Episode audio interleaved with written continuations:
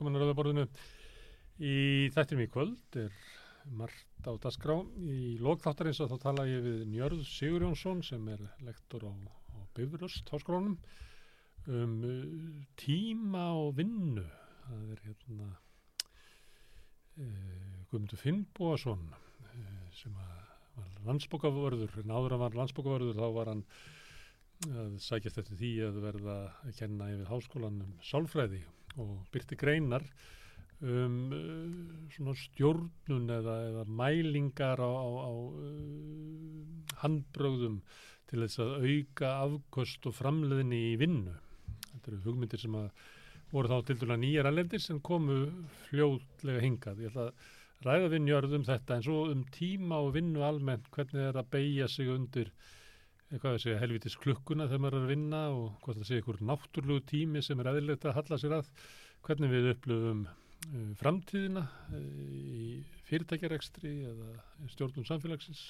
Þá maður tala um tíma og vinnu hér í lókþáttarins uh, við förum átt í ferðalag hérna við rauðaborðið út í heim. Nú ætlum við að fara til Brasilíu og það er Luciano Dutra sem verður já mun fylgja okkur þangað segja okkur frá reyna að segja okkur frá hvernig landið er samsett, hvernig átökinu er innan þess uh, svolítið um pólitíkina og stöður í heiminum og, og af hverju já, miða við uh, öllu auðæfi sem að Brasiljum er búa og, og bæði í náttúrunni og í mannaflinu af hverju Brasilja högtir svolítið, næri ekki almenna blómstra það verður að það er feminíska fréttir hérna um, um íðan þáttinn, það er Marja Pétursdóttir og Sara Stef Hildar sem að muni fara yfir feminískar fréttir vikunar.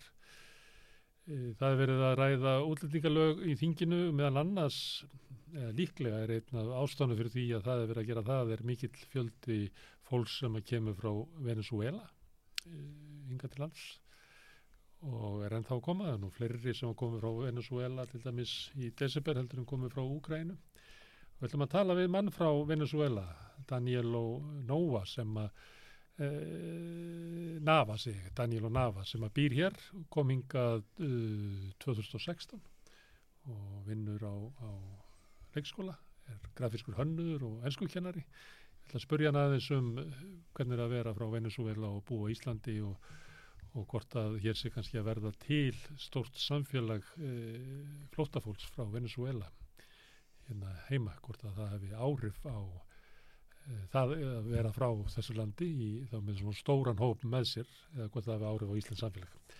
Það er ennþá uh, högta bankar í heiminum, nú er bara búist við að stórbankin Credit Suisse sé að falla, uh, hann er byrjaður að byggja um eitthvað svona uh, heilbriðisvottor frá Sælabankanum svisneska og þeirra bankar eru byrjaður að reyna að sanna fram á þessu tröstir að þá nú sagt að þeir eru ekki tröstir og það er yfirleitt í sögunni hefur þetta verið upphafið að endin í, í, á böngum þeir eru að byggja um, um viðurkenningu á því að þessu tröstisverðir.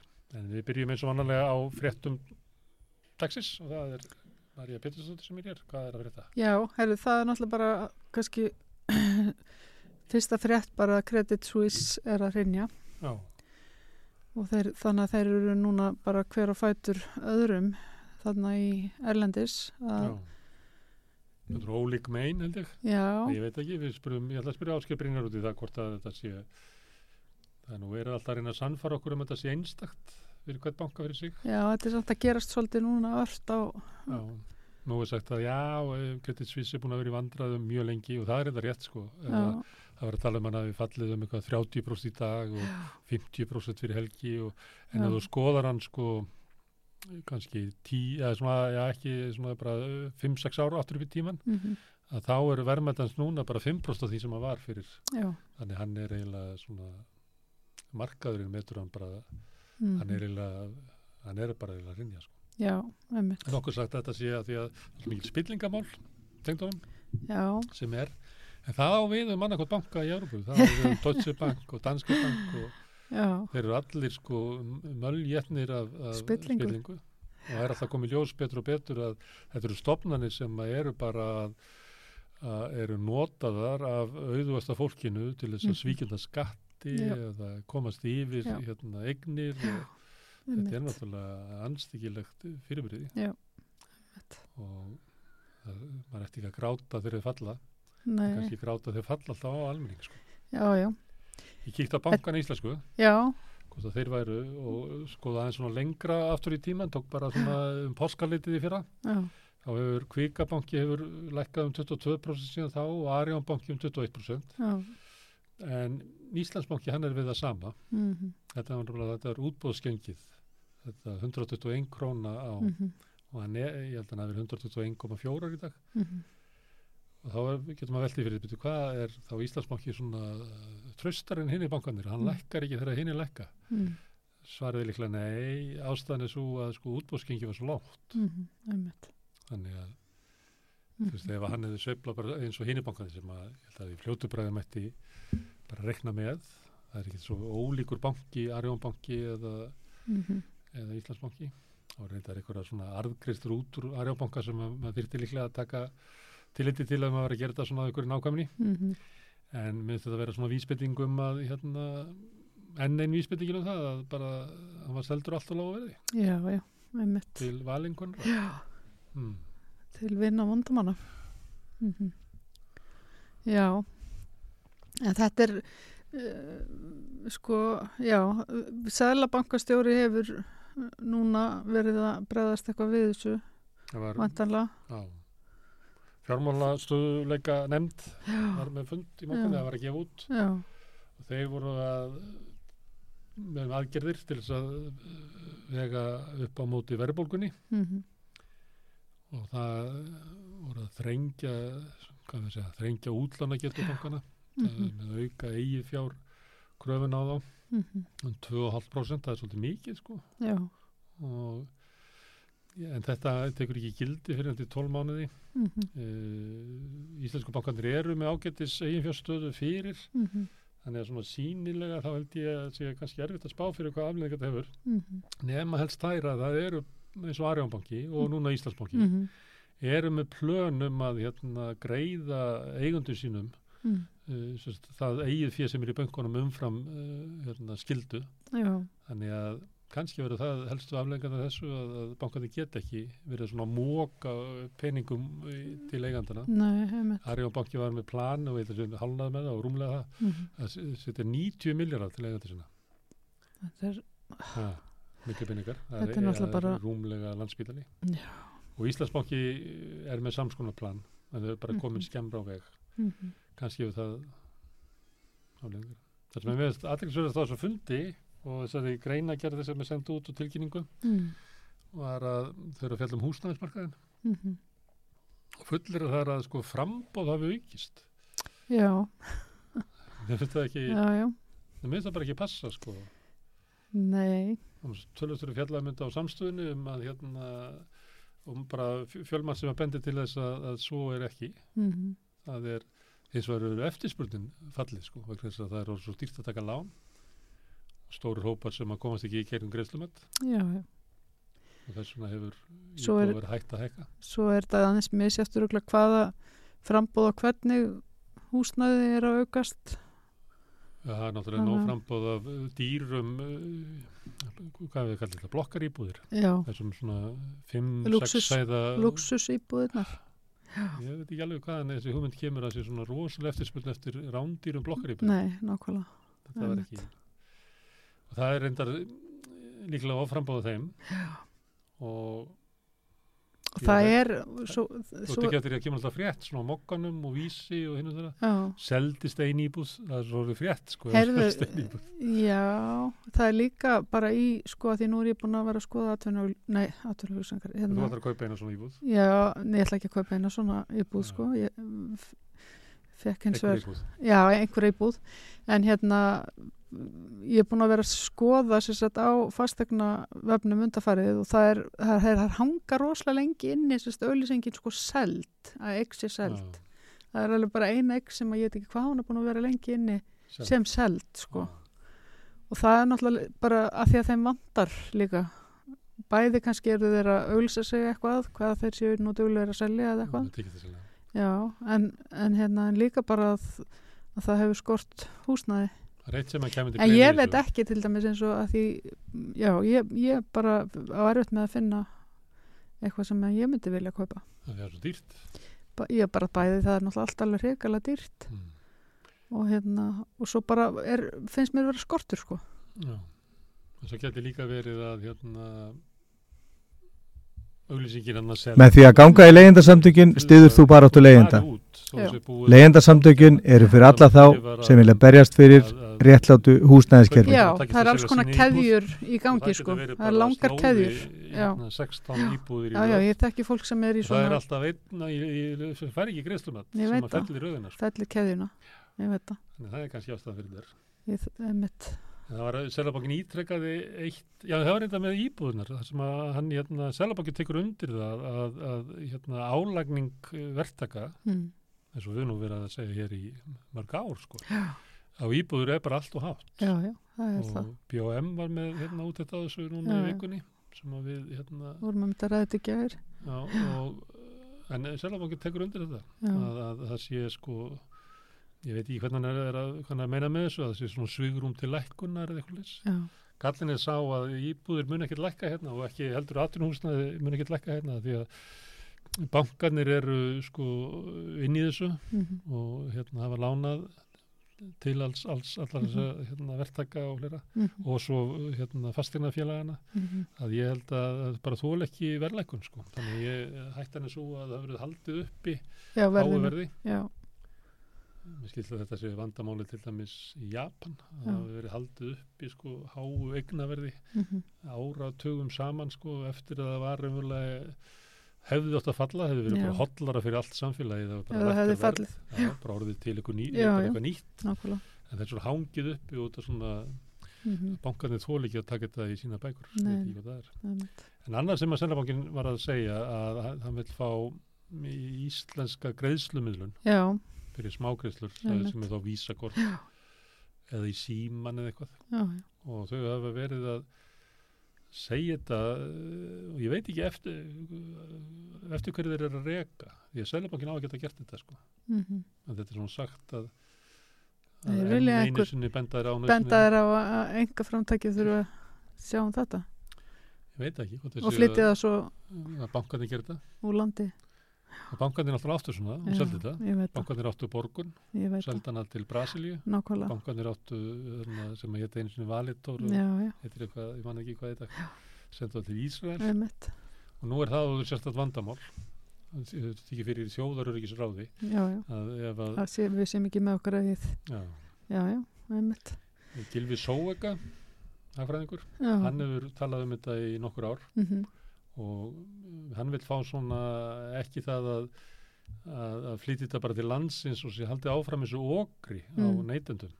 Heldur vill hann fá svona eins og dankort þau eru búið í Danmarku já, ég volst að hluta til upp í Danmarku, en ég man manstu eftir samt ekki, nei, ég man Já. ekki eftir svoleiðis. það er Það er dankort er debitkort með algjöru svona lámarks hérna greiðslum já, það er bara tekið bara eins lítið af, af þeim sem er að nota það og er. já, á meðan að kreditkortin eru þannig að það er verið að taka eins mikið og uh, fyrirtækin komast upp með það fólki eða, og líka Ég, Af- af það eru hérna öruglega eitthvað svona í Þýskalandi líka, grunar það.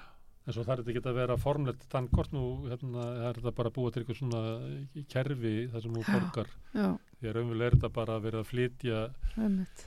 Þú átt eitthvað inn á sparreikninginu þínu Já, já. og ferð út í búð og kaupir ís og þá Mhm. bara fluttur frá þínum reikningi yfir einmitt. það er ekki að vera einhver svona Einhver rosa fæslugjöld og, Nei, ekki milliliður. Og- Ég held að sé já. möguleik að gera þetta bara sem Það ætla að máttu að skilja það af selabokunum. Hann er reyku eftir og ég bara átta mikið á. Af hverju, hann bara gerir þetta ekki? Ég vona að hann gerir þetta því ef Já. að bankandi gerir þetta þá bara selja þetta við næsta takkifæri. Það er nefnilega málið. Já. Þeir eru, nú þekktir að öðru eins, sko. Herðu, Ragnar Þór var endurkjörinn í vafferkostningunum. kom engum á orð kannski. Nei, það kannski kom einhverjum óvart. Það var samt, kannski kemur einhverjum á óvart hversu, að það hafi ekki muna meiru á, á þeim, sko, honum á elfu. Já, hann fekk 63 fyrir tveimur árum, nú fara 57. Já, pínulítið Eh, að lekka. Ha, Pínulítið að lekka. e, veit ekki kannski það er náttúrulega aðdragandi þessara kostninga mm, eh, þá var þetta svona gaggrinni sem að e- er vitað að er innan vaffer sem Mhm. er svona þarna er fostur að gangurinn og Mhm. þetta er nú gamalt mm, sjálfstæðsmenn tóldi sig eigið þetta bara. Þetta það verið bara útibúð frá valöll já, já, þannig að það hefur alltaf verið slík anstað inn í en ég held að sé ekki fræðilegu möguleiki að Ragnar eh, Þór Ingólfsson fái 80% atkvæða í, það er ekki hægt sko að sé alltaf svona Það þriðjungur já. sem er á mótan já, einmitt Munur kannski núna er að, að í aðranda þessa kostninga hafa verið svona eh, ASI-þingið, Mhm. upplausnin, þannig Mhm. að í- inn í verkefliðingunni, uh, Mhm. hann bauð sér fram, hætti við, það er svona, já, ég held að það sé svona veikara tillöpið núna, já, einmitt en ég held að þetta síni það hins vegar að hann, í, þú veist, þetta er svipað og Sólvið Annafjökk já, í jaft erfiðum aðdraganda sko, og þau standi þetta bæði af sér já, já, og það mikið meiri hluta. Hann svaraði eins og stjórnmálafólk gerir oft þegar hérna, er kosið í, þetta er, þetta er, þetta er í svona innminniskjördæma uh, yfirlýsing Já. sem segir að ég ætla að vera formaður ekki síst þeirra sem kusum ekki. já, já, já, já, Svona segja alltaf bandarískir og breski Já. stjórnmálamenn þegar að vinna kostningar. nákvæmlega Af því að það hefur klopnað á milli, sko, að meðan að í kannski í þingkostningu og svona það þarf ekki að segja þetta. Því að ég er ekki frá því að hann hafi sagt þetta síðast þegar hann ja, kosin ég, líka, þetta er eiginlega í svona þeir eru tveir að, að deila deila. Þau töluðu- sækjast eftir sama embattinu Mm. Þetta er bæðum að það hefur verið svona mikil harka í þessu. já, varstu varðið það? sko mér fannst nú bara rosalega harka sko af hennar hendi sko ef eitthvað að svona vera vænanum legar og óhæðalega Já. þannig að það var eina sem að ég var vörfið sko Æ. En ég er veit það að- ekki. Hversu stjórn? Það er hérna, stjórnin getur orðið erfið já já, það er hérna, það sem er kannski fréttnefnt í henni já, er að Halla Gunnarsdóttir sem Já. er, við getum flokkað sem anstæðing Ragnars, Já. hún sagði af sér sem frangatastur alþjóðsabansins í kjölfæðis að drífa Snædal sagði af sér hérna vegna, For, vegna á, erfileika í samstarfi við Ragnar. já, já, Þannig að Halla fær flest atkvæðin í stjórn. Hún er með eh, 3955 atkvæði já, sem eru 32% af þeim sem kusu. já, Þannig að hún er með, en það, þetta bendir náttúrulega til þess að margir kusu bara formannin en slefti að kjósa hitt. já einmitt, Þannig að ég veit ekki hvernig það var að meta það. nei, einmitt. En síðan er það sem er merkilegt er að Helga Ingolstóttir mm, sem hefur verið í stjórn lengi mm, að hún næri ekki inn í stjórn. nei, Þetta út. einmitt.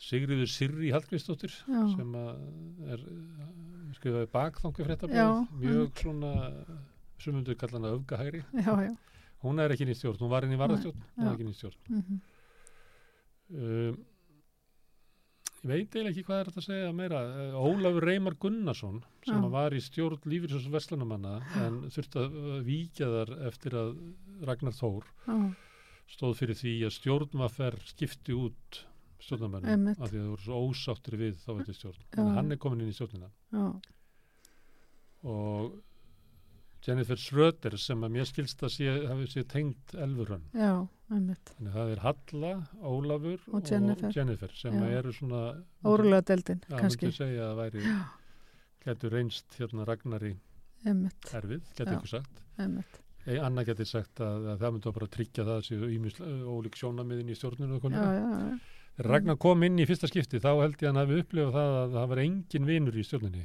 Nei, einmitt. Þegar hann var kosin hann fyrir, á- eh, fyrir hvað sex árum. akkurat Þannig að og hann hefur talað um það hér já, og talað um þegar hann var að bjóða sér fram til uh, fórsetaði síðan, talað um að verið á kostum sínum. mm Að geta komið inn í svona hostæl óvinnvettan hóp.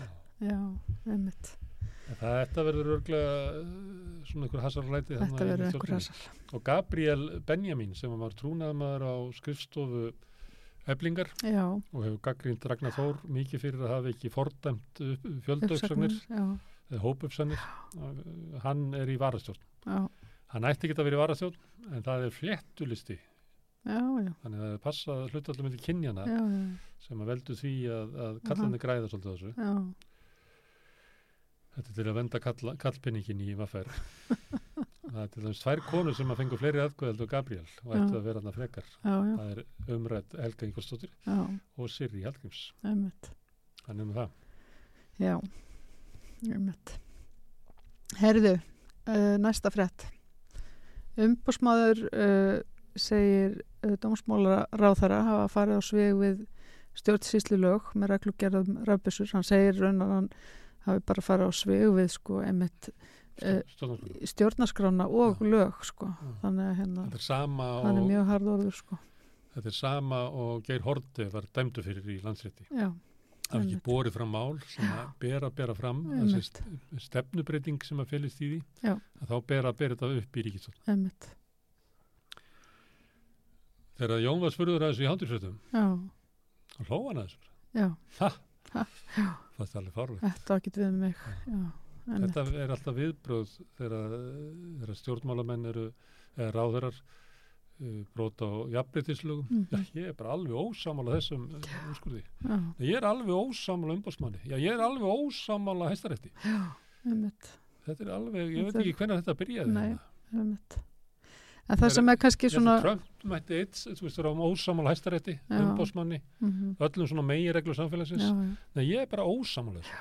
En hann líka, hann sko hann svona sussar á Katrínu sko líka fyrir að hérna skrifa sér í, í svarbrefi að hún hafi ekki, að sjá enga ástæðu til þess að elda málin eitt lengra þegar að hann vildi ekki uh, að því hún byður hann í rauninu um að taka þetta upp á, á ríkstjórnafundi og hann hafi ekki lítið og eitthvað svona þá bara því miður, svona er þetta bara Mm.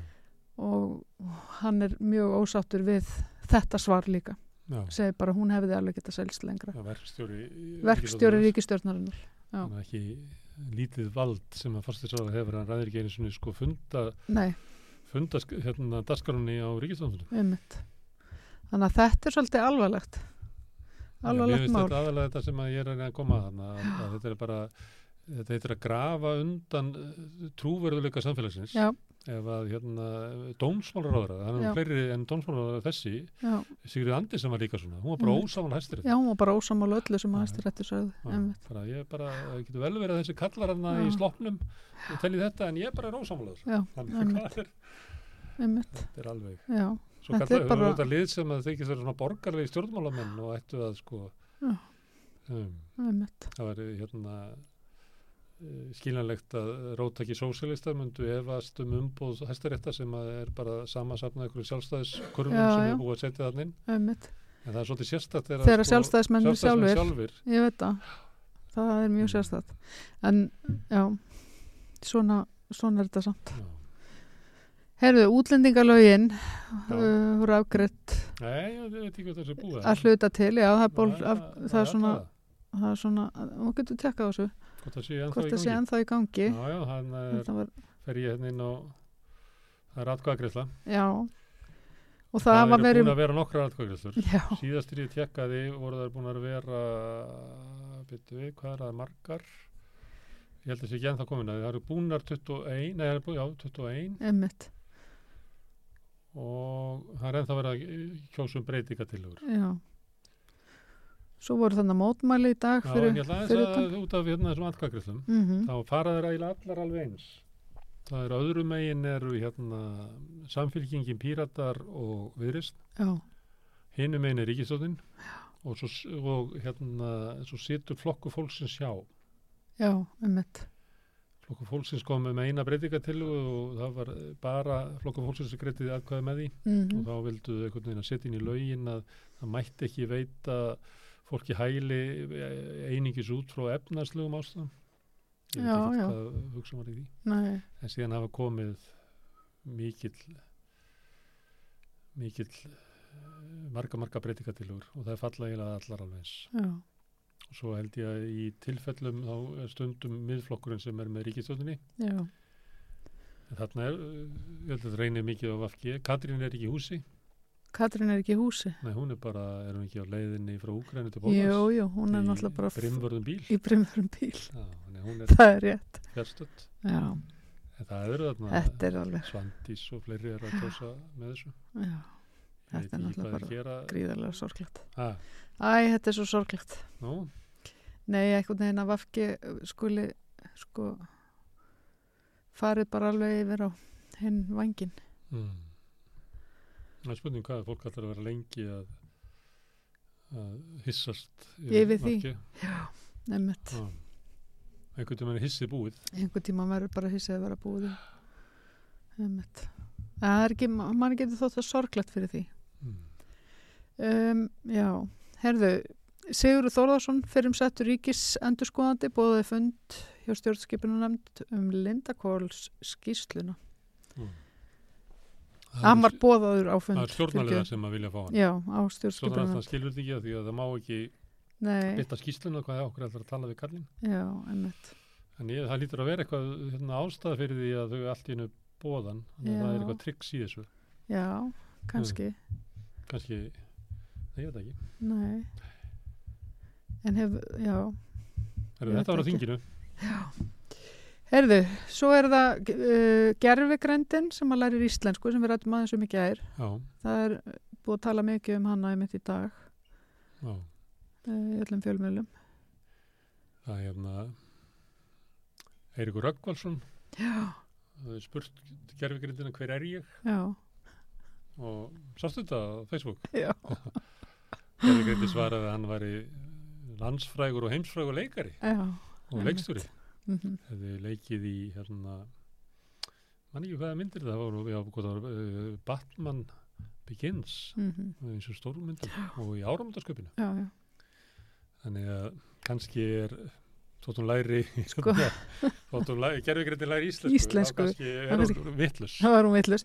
Það er nefnilega málið. Ég hef alveg leikið mér í svona gerfugrenda Já. forriti sko með því að einmitt að spyrja alls konar spurninga og það er, það er þetta sko, ef þið vantar einhvern að tala við þá getur alveg sko átt í löngum samræðum við svona einhalsríkum Já, eða þú veist, fyndnum. En Já. ljú, líka sko stundum innihaldsríkum þannig lagað Já. sko, og maður verður alltaf hissa hvað gerfugrendin sko, hérna, hefur mikla tilfinningar inn að gæsa lappa, já, en svo er þetta náttúrulega bara þess að milli algjörsteipa. já.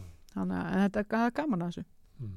Sverri Ragnarsson nei, já, Sverri Ragnarsson, hann er hérna múslimi og ágætlaði sér í kóranunum hann, mann eftir einhver setningu sem hann sagði ég veit ekki hvað tíma ég verið að vitni í það þetta er bara eitthvað, sagði mig bara einhver tíma í einhverju samtali Já, hann sagði að fólk er alltaf að leita að einhver svona gerfigrind Mhm. málið er að uh, gerfigrindin er í hausnum á þeim sem er að leita að gerfigrind sem held, halda þið geti gert tölvurnar mennskar það, það, það er fólki sem er með gerfigrind sko. já, já. að það er ekki raunveruleg grind Ég hlustaði líka á stand-up comedian hérna, svona uppistandara já, uh, hana Elfu, hérna Túrett Elfu uh, um daginn þar sem hún var að lýsa sinni sínum og hún sagði sko já hann væri sko gerfigrindur gerðugrendur Já, ég held að maður er mikið á til dæmis ef þú ert mikið á netinu og þar sem að einhverju algoritmar stjórnaði hvað þú sérð, já, þá náttúrulega endarum ef þú verður gerfugrind. já, já, Það emmitt En við getum orðið nú bara he- heimskar líka og heimskari grínast. en á íslensku. já, við, við, við getum orðið heiskara á en íslensku. töpum aldrei hugsun. já, nákvæmlega. Nei, nei, það er hérna það er ekki hérna þetta er nú ekki alveg þannig Við ætlum að, að finna leiði til þess að ræðum þetta við rauðaborðið. erum við þá komin með frétti dagsins? Já. Við þá eh, ja, s- segjum við eh, sem komin hlje í fréttum dagsins í bíli því að við ætlum að tala um kannski stæðstu fréttina í okkar e, álfu allavega, það er fall Svísnesk banka eða sem er alveg við að falla. Áskip Brynjar Torvarsson sérfræðingur í e, reikningskilu banka ætlar koma hérna eftir augnumlika. Með því að ganga í leyendasamtökin stiður þú bara áttu leyenda. Leyendasamtökin eru fyrir alla þá sem vilja berjast fyrir réttlátu húsnæðiskerfi. Leyendasamtökin.is Samstöðin er á öllum hlaðvarpsveitum. Rauðaborðið, Sanna Reykjavík, Samtal á sunnudegi og Helgispjall. Það er hérna fyrir helgi þá fjall bandarísku banki SVB bankin og fæstir á Íslandi vissu hver hann var en áttu sig á því að þetta var stórbanki og tölfur tíðindi og ekki síður viðbröðu stjórnvaldi í bandaríkjunum. En núna er banki að riða til Fals sem er stórbanki í Sviss, Credit Suisse, sem að flest hafa einhvern tíman séð og lesið þannig að þetta er kannski koma nær okkur og, og verða ókvænlegra uh, uh, hrun banka. Áskei Brynir Torfarsson, leðsugumæður okkar um undra heima bankana er hingað komin. Hvað, þetta er ekki, þetta er svolítið svakalegt. Já, þetta er GSIF sem heitir, Já, sem sagt Globally Systemically Important Financial Institution, sem sagt alþjóðlega, kerfislega mikilvægu banki, hann er það stór. já, Þannig að ég ætla nú ekki að fara að lýsa því yfir hér að hann uh, muni falla því það var nú tilkynnt sem sagt um kaffileiti í dag. Þeir var að funda að þeir hefðu óskað eftir aðstóðið yfirlýsingu frá og þeir eru að byggja Sælabankan um að segja sér í lægi með sig. Já, Það er ekki gott. nei, þú þurfur að gera það er náttúrulega ekki Nei. gott og, og, það kom núna bara þegar þeir voru á leiðningað að þá hafði komið yfirlýsing þá voru þeir búin að funda í fjármála eftirlitinu og svisneska Sælabankanum og sögðu að hann væri í góðri stöðu með nægt eigifjö og nægt lausafjö en ef á þyrft að halda þá myndu þeir Mm. fá lausafjör aðstóð frá svisneska Sælabankan. Já. Og hvað þýðir þetta? Sko, já, eh, Það voru gefnum svona yfirlýsingar um íslensku bankana bara kortið fyrir já, já, já, já. Uh, sko, við skulum samt gera greinarmun á, á Sviss og Íslandi. Þeir eru búin að vera alþjóðlega alvöru fjármálaminstöð í 150 ári að 200 Það gengi illa og sérstaklega þessu banka bara eh, ratað í, þú veist, bara hvert að fættur öðru og er eiginlega bara innan um alla syndugu bankana lítur út bara eins og syndugasti bankin. Já, já, og, og það er hluti af vandanum þannig. Já, Uh, það sem að gerist í dag eiginlega og myndi meitna mest á, á hérna viðböruna fyrir 15 árum já, er að svo kallu CDS-in, Credit Default Swap sem er sem sagt svona uh, gjaldtróta tryggingar áhættu álag að Mm. það raug úr 300 upp í 1100 já, og ég á einhverstar heima fórsíðun á Dagins Industry sænska fjármálablaðinu já, frá því í mars eða april 2008 það sem Mm. þeir byrtu svona graf af skuldatryggingar álagi íslensku bankana tryggja sem fór líka svona úr Já. 100, 200, 300 já. og svo rauk upp í 1000. 1000 svona, þannig að Og það kostar 2500 minnum ég að það verið bara, það voru- voru mjög hátt Já. að hærra en þetta. og hérna En þetta, það lifi á engi bank að lifa þetta af þetta. Nei, að þetta er merki um að banki sé mjög, mjög alvarlegum vanda. Það sem skilur þarna á milli uh, uh, þeir sem gerist hér og, og, og þá, þarna núna er það að einn af þessum fimm mikilvægastu viðbjörnum fjármálasjónur og þessar veld sem ég myndist á hérna fyrir vikunni var 2013, það var byrjað 2010 tímabundi en fest í sesti 2013 uh, samkomulag milli C6 sem er svona svipað á G7 eða G8 Mm. mm. sem var en það eru sem sagt sex helstu selabankar heims þetta er óformleg hérna voru klúpur en, en svisneski selabankin er einn af sex mikilvægastu í heimi. Þannig að þeir eru í innstafing og eru með gjaldmiðla skipta samninga við Englandsbanka, Evrópska selabankan Bandarinska fettin og svo er þannig Kanada og Japan með. Og það þýðir það að þeir hafa Óendarlegt afl til þess að dæla inn peningum inn í hennar banka. já, lánalínu til Mm. þess að ef að kunnan er að taka út og jáfnvel kunnan er sem eiga dollarareikninga eða efurur uh, að, að þá, þá verður ekki þurrð Nei. uh, hvorki í bankanum ég segla bankanum uh, verði þannig áhlöf þannig að uh, að uh, og svona til samanburðar líka sem sagt útflæðið af innstæðum sem að þeir voru farinir að monta sig af núna fyrir í, í þessum mánuði Suisse að væri farið að minka mjög mikið það Mm. væri ennþá útflæði en það væri Mm. búið að minka mjög mikið útflæði Mm. frá þess að það var að það var á síðast árfjóningi síðast árs og þrem mánuð sem sagt 100 miljardar bandaríkjadala Silicon Valley bankin sem vorum að tala um hérna út úr honum fletti 42 á miðvikudaginn í síðustu viku Mm. Þannig að það var já, tvisar hálfu sinni meira á þremur mánuðum í. Credit Suisse sem er þó líka miklu stærri banki þannig að uh, sko vandin er þarna einhverju leiti uh, svona panik eða órói í framhaldi af hinnum en líka þetta sem þú nefnir allir þessi skandalar sem eru búin að vera að fara í gegnum og reyna að laga Það er bara að síða hvernig gengi en segjum svona bara segjum undanfæri 6-7 ár hann er náttúrulega bara, ég held hann sem náðu alltaf 3% af því sem hann var sko gengið Já, fyrir svona 60 árum. hlutabriðin fjallum sko 24% í dag Já. en þau eru búin að falla um 85% á síðustu tveimur ára sko 85, Já, það er bara er eiginlega- 15% eftir af því sem þeim voru þannig að sko svona venjulega svissarar eh, þeir, saga þessar banka, þessar banka er mjög falleg. Hann er stopnaður 180 eitthvað árum síðan. Já.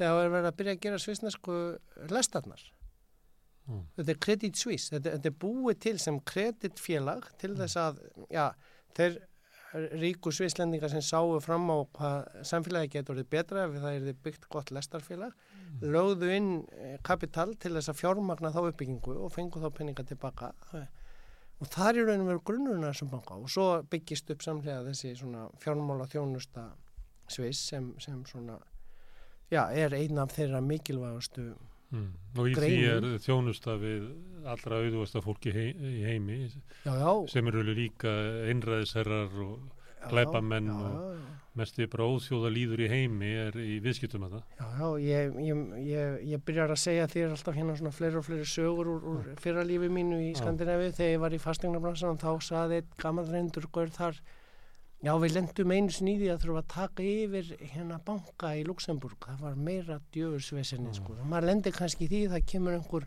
rússi og leggur inn 100 miljónur efra daginn fyrir gamlastak og þetta er ekkert nema bara vesen, sko. Því þú þetta, já, upplýsa þetta kakvart yfirvöldum og, og peningaþvætti Já. og svona. Þannig að þeir voru fljótur að losa sig við þetta þennan vextur þessi sem vilja vera í fastegnabransanum.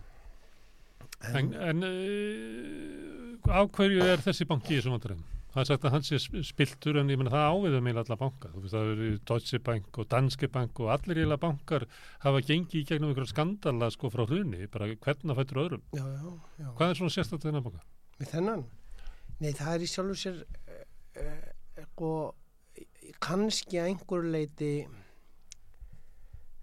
uh, sögulega arfleð sem eru búin að vera að hrinsa af sér og kannski að einhverju leiti bara aðstæðanum sem er lendi núna en aftur vil ég þá fá að segja uh, þegar það þrengir að í kerfunni eins og ég var að lýsa síðast og að, að þá, þá reynir á hverjir standa Mm. stöður og hverjir eru með eitthvað shaky og þá hristist þá þaðan og uh, varðandi þennan banka þá var mögulega búið að vera ómikið að greið út hérna og fá að bónusa ómikið ómikil sókn eftir hagnaði sem felur þá í sér að þú lendir í að taka að þér viðskipti sem eru ekki eins örug og góð og ætlamætti Og sem að fara illa þegar það harnar í dalnum eins og hefur gert þegar vextir hækka. Það getur hægt í stórgóðslugum og, og það sem að vinni minn út í Sviss voru að segja mér núna líka sko í dag þegar ég spurði á, hana, fyrir, fyrir, fyrir hátti í dag sko hva, Mm. hvað er að fara að og þá voru svislendingar farinir að búast við að, að þetta myndi ekki enda öðruvísi en illa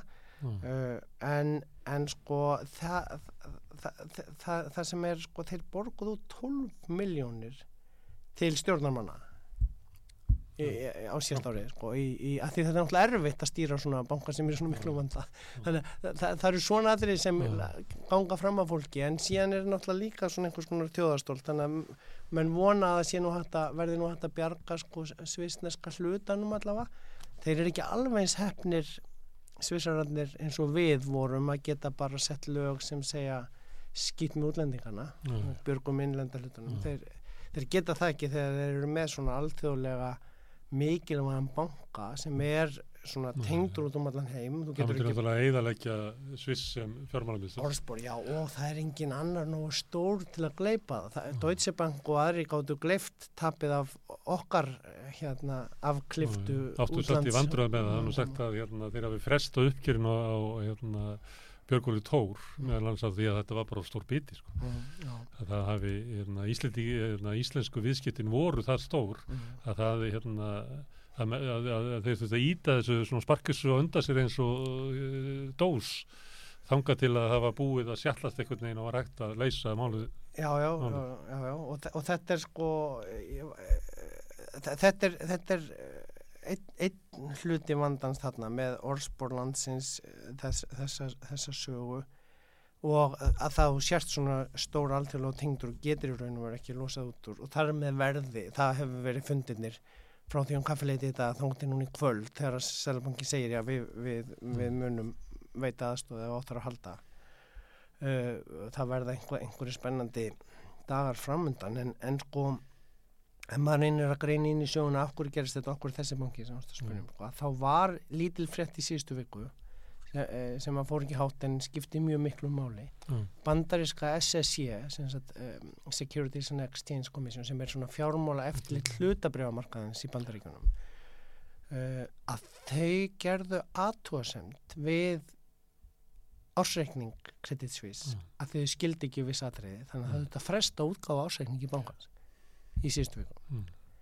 þannig að, að, að þetta gerir eh, nú það að verkum að lætur með hérna reikningskila áhuga mannin vera eh, ekki trúan á að þetta sé bara svona smitun út af e, panik út af því sem gerist í Ameríku og, og, og sko og ameríski yfirvöldur eru búin að segja líka mjög stert í dag að hluta til til að verja sig og sitt orðspor náttúrulega að þeirra tveir, þrýr litlu miðlungsbankar sem hafi fallið skapa engin vandamál í heiminum en, en segja núna við erum að fylgjast grant með hvað er, er þarna að gerast í Sviss og evrópskir bankar fjallu gífulega mikið í Já. það og gamalgrónir, ég meina Deutsche, ekki bara Deutsche Bank heldur, Society General og Já. um sko 5, 8, 9, 10, Þau 11 viðbóttu við það sem hefur fallið. Þau verður að jöfnu sig eitthvað í gær, Já, en þau eru kannski búin að vera að falla vel yfir 10% á síðustu tugum.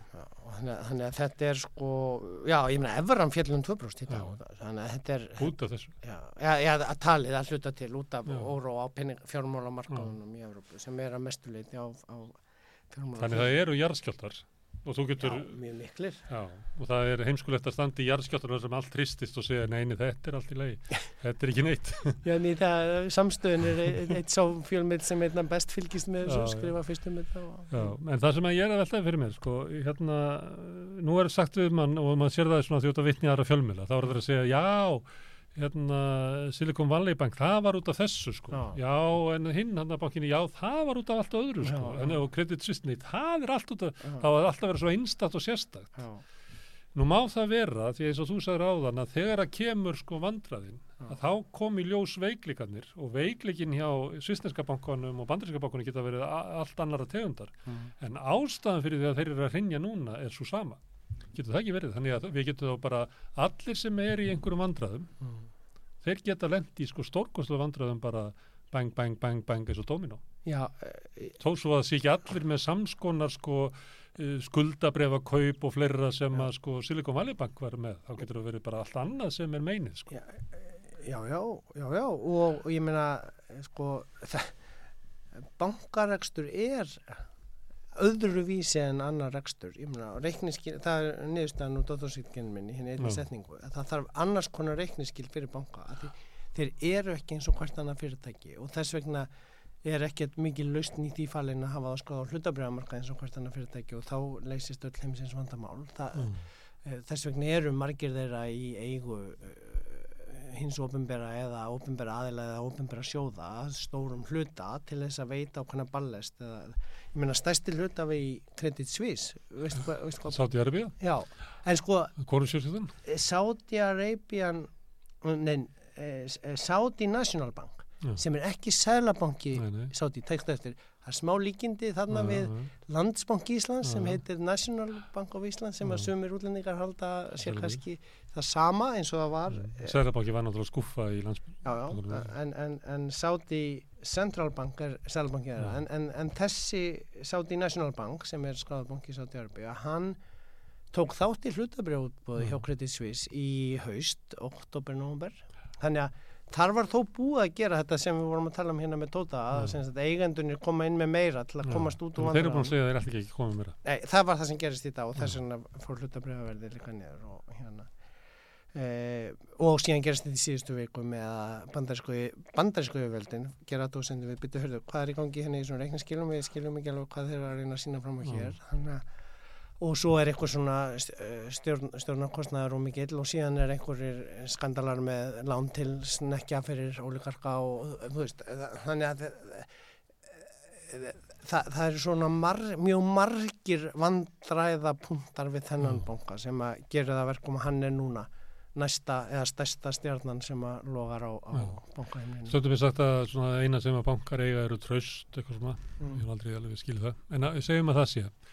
Og þegar kemur svona skandalar og hann er, hann er, hann er að skjálfa, þú veist, af hverju ætti fólk að geima peningana sína þarna eða það er bara eðlilegu viðbröð er bara að fara Já, já, og sko og það getur við leitt í sjálfum sér til hruns.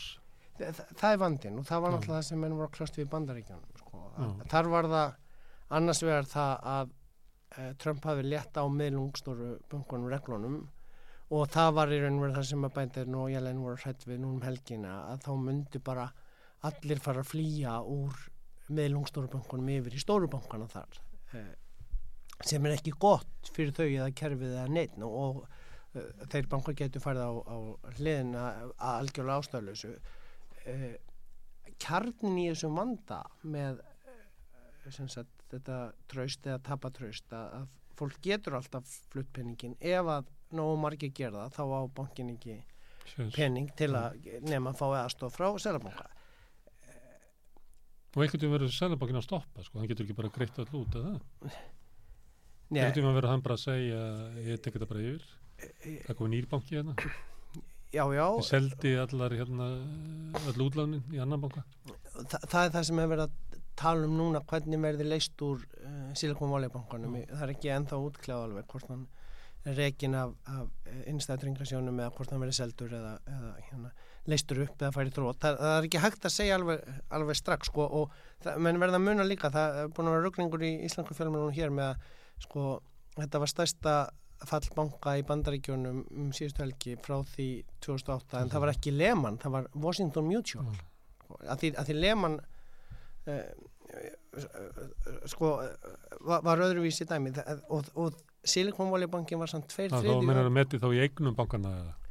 já og, og hvort er farið þrótur teknir yfir, leistur Já. upp þú veist að, að, að hérna uh, og, og, og hvernig björgunin er þú veist, björgunin í bandaringum þurft að hluta til að vera þarna á AIG tryggingafélagi sem tryggði aflöðu samningan Mm. það var eitt svona merkilegu punktur í, í dag varðandi Credit Suisse í viðbót við hvernig skuldatrenga aflæði fóru upp að BNP Paribas, franski bankin sem er nú mjög svona já, hvað maður að segja ég, ég treysti þeim mikið, það voru þeir reyndar sem setti í gang fjármála krísinu 2007 það, það, þegar að subpræmið hjá þeim broke the bucket Mm. gerði það verkum að þeir stoppuðu treyting í penningamarkasjónum hjá sér í ágúst 2007 sko. það var í raun og veru byrjunin að því sem endaði síðan í september 2008 en BNB Paribas sagði í dag við kunnarna sína uh, við munum ekki taka þátt í afleiðu samningum fyrir ykkur ef að mótaðilin er Já. og það er svolítið sterkur signal hérna. Það, og það minnir mann á þetta með að því það var það sem tók AIG niður og let þurfa ríkið í bandaríkjónum þurfa að taka AIG yfir að því þeir treyðu samninga. Að þarna er BNP að segja sko, veist, meira heldur en bara CTS álægið að fara upp. Við viljum ekki eiga eh, viðskipti afleður. Við viljum ekki vera Mótaðir. við viljum ekki vera húsið þar sem þú ætlar að vera að veðja. Þegar við höfum bara ekki trúa því að þessi banki he- lifi. Já, þa- það er ansi svona sterkur signalum við erum hrættur um að hann kannski lifi ekki. Og þetta er sam og ég var að lýsa hérna skandinavisku bankarnir sögðu og það kom skýrt í Financial Times í dag, ég meina, menn dróu úr uh, mótaðirónum sínum, hver marga þeir voru að eiga viðskipti við, fækkuðu Mm. fóru í örugan uh, hérna, hvað hva heitir það, fóru í svona á viðbúnaðastig eins og Já, spítalandir í, í í, En það, nú er hljómara bara eins og við sem komin til 2008 þetta þú tala um að menn sé að veðja á, fallbankas og svona. Hvað heitir áttu bíómyndin sem að er nú til dæra nýbúið endur sína á rúf uh, Big Short. Já, Big Short ef að þeir sem að muna eftir þeim sögutræði að þá voru þarna nokkrir uh, í sögunni að fara í ganga milli bankana til þess að, að veðja móti húsnæðismarkaðum já, já, og, húsnæði, og það var leið að þeim fyrir að gera svona heimskulegt veðmál. Já, og allir vildu veðja móti en þá getur allt í einn daginn já, að þá var ekki hægt að, að gera svona veðmál. Já, og þessi dagur er komin upp hjá Credit Suisse. já, allavega í þessu franska banka. Við skulum, við þurfum að sjá það er 15 dagur morgun og förstu dag svo og svo kemur Já. helgi. En, en það, þeir, feng, um þeir, fengur líflínu allavega lausafjárlínu ef þetta að halda í kvöld og, og það er fínt að horfa á Big Short, það er líka fínt að horfa á The Margin Call sem að fjallar um 24 klukkustundinar þegar að eh, einn bankin losaði sér við öll vandamálabrefin og það var sá eini banki af 13 stæstu sem var ekki hægt á að falla í september 2008 Já, uh, sem er Goldman Sachs já. en, en, Tróði upp á viðskiptamenn við, vinni sína. já, já, Flutti tapsitt yfir á þá. seldi, seldi. Það, það, það, er, það er alveg, alveg mögnumynd ef maður vil læra um banka að sjá Jeremy Irons og, og hérna fleiri leikara þar hérna vitna, já, fara yfir þá, þá svo, ef maður vil rifja upp í bíómyndum þessar sögur, og svo er Wall Street og, og hérna Wall Street 2 þannig að það komið fjóra bíómyndir fram Já. að næstu helgi til að horfa á. En þetta, það er nú líklega að það haldi áfram einhverjir atbyrðir út af Já, þessum skjálta sem já. Það er ekki þannig að allt í einn á morgun bara eh, hækki, hækki bankandir aftur í verði og allt verði gott. Það er ekki, Nei, við erum ekki þar. s- Nei, og spurningin, sko, stóra spurningin núna, ég, ég er að finna hérna kvót frá, eh, sko, eh, sem, sem ég ætlaði að nota á miðgundinni næstu viku, en það er alveg sætt að skjóta því út núna þegar það verður svo margt búið að gerast Já. þá, að hér- kom í gær frá Deutsche Bank. Semst, s- stóra spurningin núna er, er svo hvort að þessir atbyrðir allir á fjármánamörkunum e, þrýsta seðlabankunum í að að, minga eða dra, stöðva eða draga úr eða stöðva vakstaðekkarnar sínar en frekar að því að, að, hérna og, og þá, þá hérna það er eitt sem að miðast nefnilega, hérna, því að ég ætla að spyrja það eins um Íslandi. já, nei, þa þá kom sko í gær já, frá aðal hagfræðingi Deutsche Bank sko, e- þetta Mm. er ekkert eitthvað dök hérna, uh, að þeir voru með nýja hérna áallun fyrir næstu uh, fundi Evróska Sælabankans og, og Bandarinska Fettsins sem er í Mm. næstu viku um, um, um hérna vakstæðikanir og ég bara innan beitna, beitna tíðingar innan beitna gæslapa ég hef algjörlega enga hugmyndum á þessari stundu hvað Bandarinski Sælabankin eða Evróski Sælabankin munu gera uh, á fundum þeir í næstu viku og jáfnvel lengur en það já. Hvort þau munu hækka, lækka, hafa óbreytt ég er bara Það er eiginlega tógað í sigur áttina. Já. Það er annars vegar ertu með verðbólguna sem Já. að vill fá hærri vexti og hins vegar ertu bara með hættu á sko efnarsamdrætti Já. sem að vill sko lækkaði Já. vexti. og Þannig bara, ég hef bara enga hugmyndum Nei. hva, hvað þeir munu gera Þú getur eiginlega bara að kasta upp teining. Það sem er mér dætt í hegu einmitt út af þessu að hérna, nú er vakstakurinn dagur á Íslandi í næstu viku og uh, það var strax byrjað að tala um það í bandaríkjunum að kannski kemur bara ekki vakstahækkun út af þessu sem þú ert að lýsa. En þá fannst mér aldrei svört að, að hérna, hagdeldir bankana voru svona byrjaður í dag að spá að það var í uh, 75 punta hækkun og þannig að ég voru að velta fyrir mér sko, getur að verið það að íslensku bankanir að íslensku bankanir hafi hag af hækkun vaksta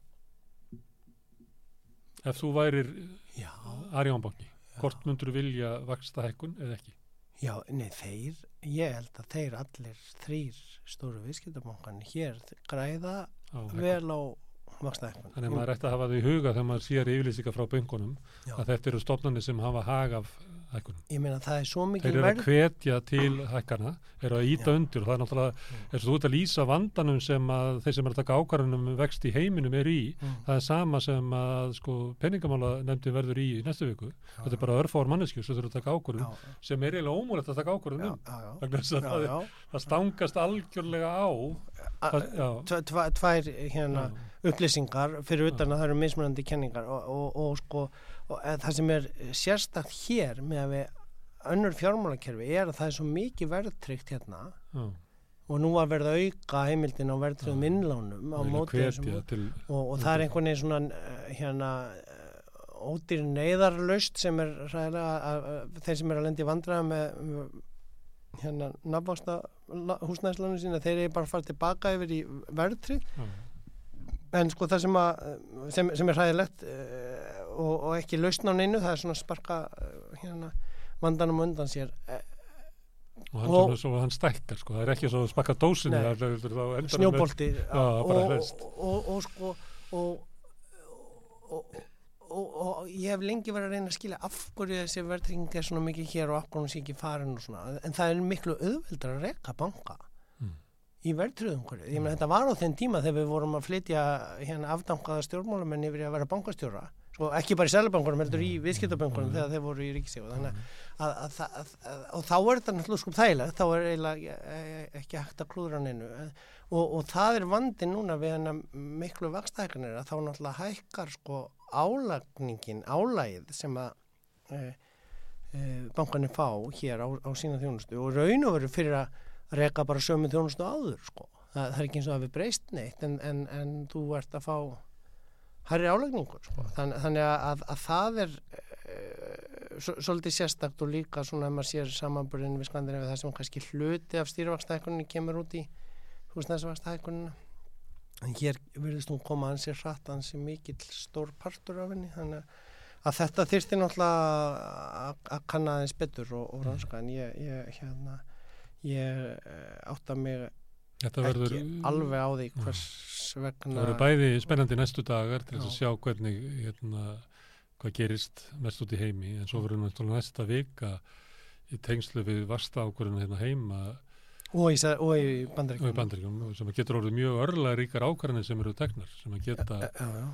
Og, kyrt okkur niður í, í, í algjörða greppu. Já, sko, áður en að en, en, í hérna Silikonvali Kirsidalsbankin fór á hausin var alveg heilmikil umræð um það býtu hvernig á að ná mjúkri lendingu það verður yngri Já. mjúkri lendingu náðum verður harkaleg en við erum að ná lendingu svo það verði bara samdráttur en ekki kreppa sko. en núna ef að er, er, er umræðan búin að aukast mjög mikið um það að nú er bara hér verða sko að stefni of harkalegan árekstur á kreppu Mm. ef það verður ekki hérna stöðvaðar vakstaðekarna núna úr þessu að því að þú- ert búin að þú ert búin að, að, að sjá núna sprungurnar komi ljós sko þannig að það, þú þarft ekki að keira meira inn í, inn í, inn í e, En sömulegt er staðan á Íslandi svolítið ólík því að við erum ekki að sjá hérna, þessi enginni. Við erum ekki að sjá sko, ekki samdráttin.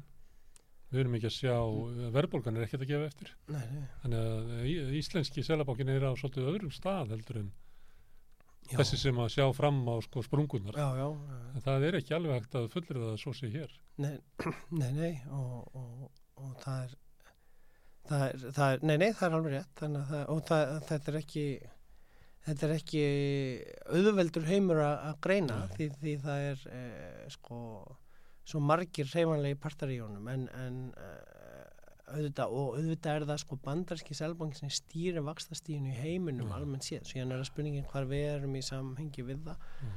og svo er það sp- spurningin hversu mikil eh, í raun og veru mikil samdrátturinn í heiminum verður hvort að það fyrir að áhrif á, á hér eitthvað hérna uh, ferðarþjónust og þess Já, þar sem ég sem að Íslands. ég held að það verði nú alltaf sko nógu margir, nógu velstæði þó að það verði Já. kyrt inn í, inn í ansi mikinn samdrátt og, og Já. jável allt of nálat kreppu en, en, en, en það er, við erum, já, ég segi bara aftur eins og síðast, við erum í miðjum uh, miðju öldurótinu og við vitum ekki hvað gerist á föstudaginn eða í næstu viku Ég ætla ekki að rauka um það en þakka fyrir að koma hingað og hjálpa okkur til að skilja uh, skjáltana sem ganga henni yfir.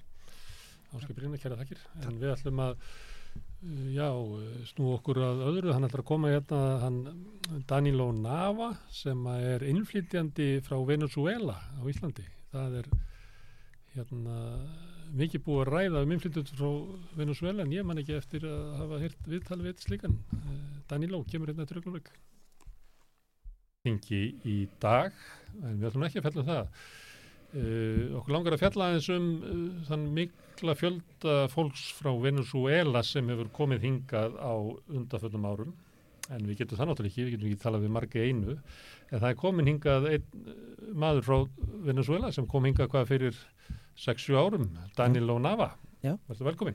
Já, sæl, takk fyrir. Má ég sp- byrja að spyrja þig á hverju komstu hingað? Um, já, bara svona, ég var, ég var í Kolumbíu fyrst að vinna í eitthvað aðfélag samtök, Já, svona kalla á einsku svona non-profit já, og það, það er svona kapli, hérna, íslensku kapli hér. já. Svo ég sótti um vinnu þarna og fekk sá stöðu á, í 2016 svo ég kom til Íslands fyrst í september. 2016 með atvinnulíf og svona, þú kemur ekki hingað inn sem, uh, þú ert ekki að leita uh, hæli, Nei, þú kemur bara að vinna. nei, já, einmitt En þegar þú komst þá voru ekki margir frá Venezuela og Íslandi, kannski hundrað?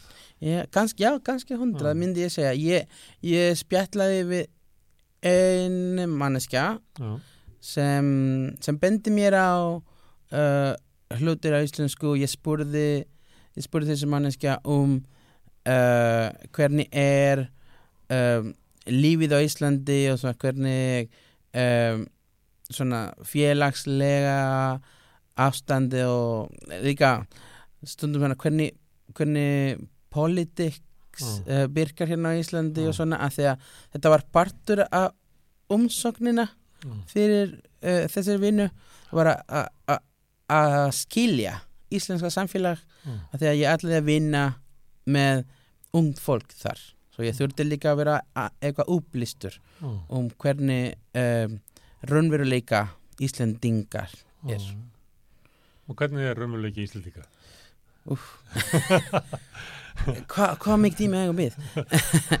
það er bara eh, eins og ég eins og ég myndi bara skilja svona Já. í, í, stutt, í stuttmáli mér finnst Ísland er svona svona, uh, svona álegg á milli samlöku já, uh, ön, á, þessi samlöku er Bandaríkin og Norðurlöndum. Já, svo Ísland er það meningarlega Já. félagslega og, og þetta er mjög sérstakt. Og- að því að stundum þegar ég, fyrst, þegar ég kom fyrst ég fann ekki mikið um, kultursjokk menningarsjokki. Já, uh, út af ég, ég hafði verið skiptinum í Bandaríkin fyrir morg ár. Mm, uh, svo bara ég, ég kannast við það.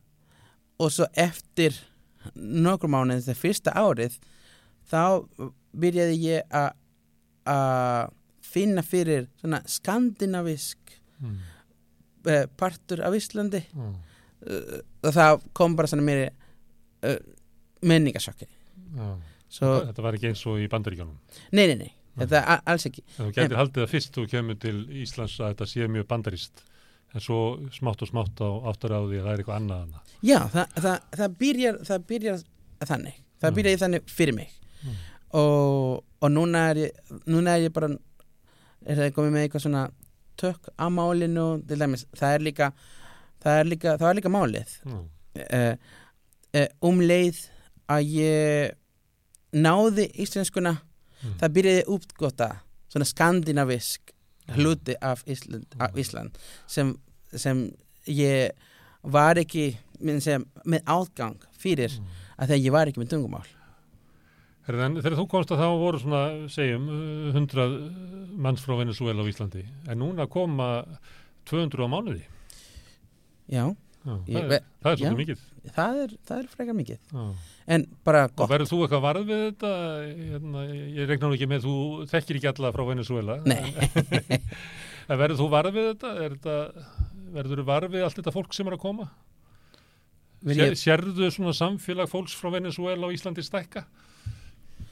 já, bara það sést það sést bara á minnstakosti uh, fólk sem eru bara að vinna aðeins meira í í svona reislu Já, og bara ég þekki nögru fólki það er Facebook-grúpa fólk sem eru að bú, frá Venezuela sem eru að búa á Íslandi já, og það er mikið tal um fólk sem eru að búin að fá vinnu á uh, einhverju uh, hótel, já. eldhús og eru og eru að selja venezuelsk mat og fólk sem eru líka að selja venezuelsk mat a- allstaðar og hérna eh, rétt hjá Já. það er suðuramerísku uh, uh, matvoruverslun og það er búin að stækka meira og meira svona vorur já. frá Venezuela svo bara eitthvað sem skapað í mér svona mikið nostalgíu það þegar, þegar ég er með svona nostalgíu fyrir venezuelsk mat það fyrir þannig og, og mér mat til að búa til uh, venezuelsk mat Þessi koma hingað eh, frá Venezuela, þau fara að vinna í einmitt í eldúsum, þrýfa hótelherbyrgi, í láluna störfum mikið til. Já. En þetta er ekki allt saman fólk sem var í lálunarstörfum heima. Nei. Er, nei. Nei, ég, ég, það, það er kannski svolítið svona áfall að koma, eh, vera kannski kennari eða eitthvað í Venezuela og vera svo allt innum byggðaður að búum herbergi á Íslandi. já, það skapað, það skapað eitthvað eins og, það, það skapað eitthvað svona orgi á manni, Já, en samt, uh, ég bara, ég er að tala með Já. e- eftir mín reynslu.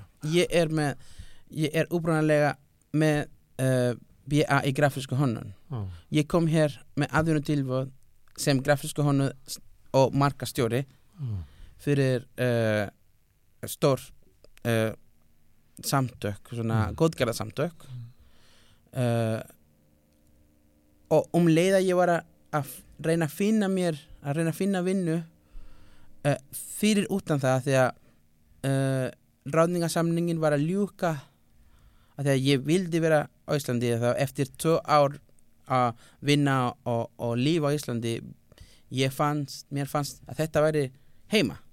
Mm, bara mjög vanur og burt séð frá veður og, og allt þetta. Mér fannst, ég var heima. Bara Já. þetta um, veit ekki, það er bara svona maður finnst eitthvað e eitthvað tengslu við mm, landið og ég vildi vera fram. Og sótti um vinnu á mínu bransa uppranlega í margar mánuðir og f- bara núna er ég ennþá að býða eftir svor frá þessum að, uh, atvinnu umsók sem ég, sem ég sótti um fyrir morg ár. Það var ekki svarað? Það var aldrei svarað. Af því að þú ert ekki íslendingur og þú ert með erlend nafn að þá er bara ekki svarað.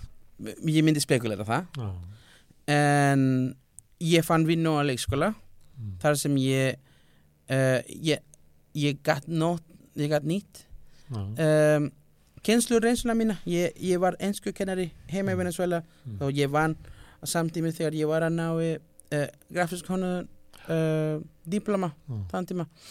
Svo um, ég ég gatt nýtt þessi reynsla og lærði líka íslensku með bornun mm, og líka fór á íslensku námskeiðum og, og, Mm. og allt þetta og náði tungumál.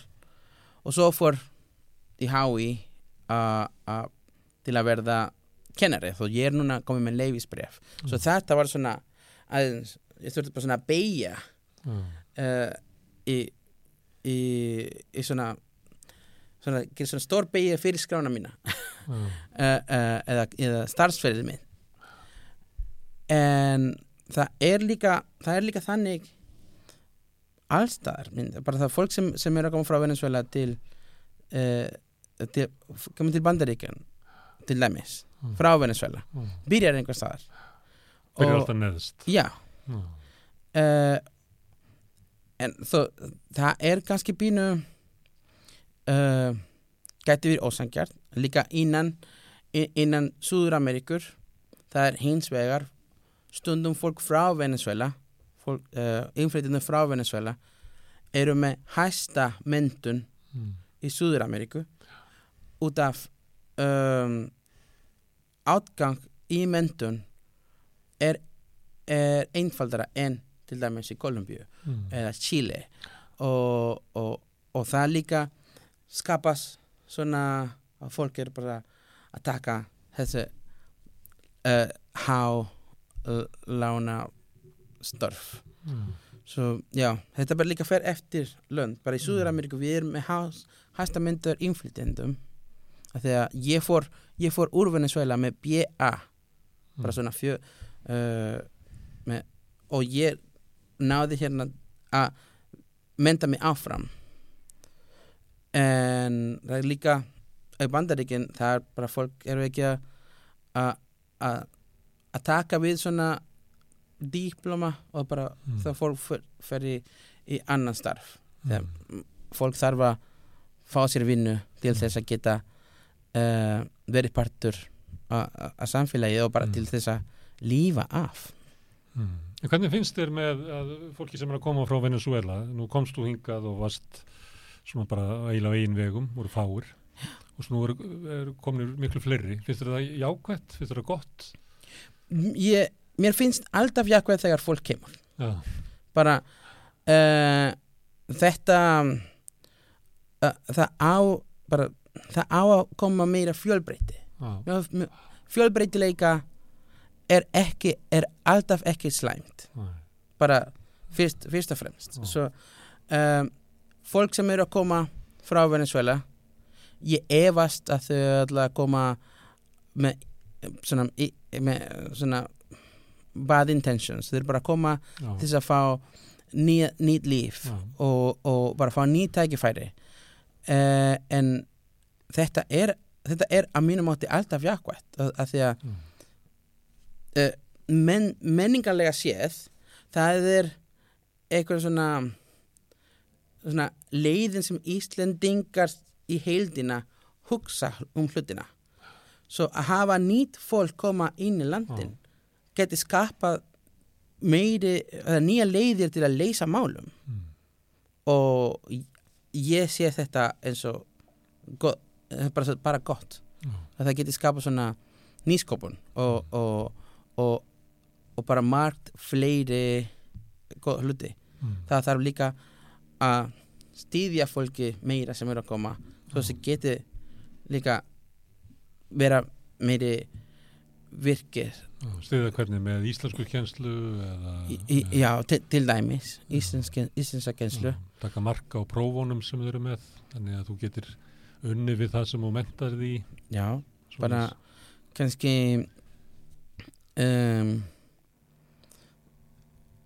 ef, ef ég myndi segja að það er líka svona meiri tækifæri til þess að geta uh, sín starfi sínu já, að því að eins og ég var að segja bara ég, ég tók þessa beig í, í, í minn já, út af ég vildi vera áfram á Íslandi.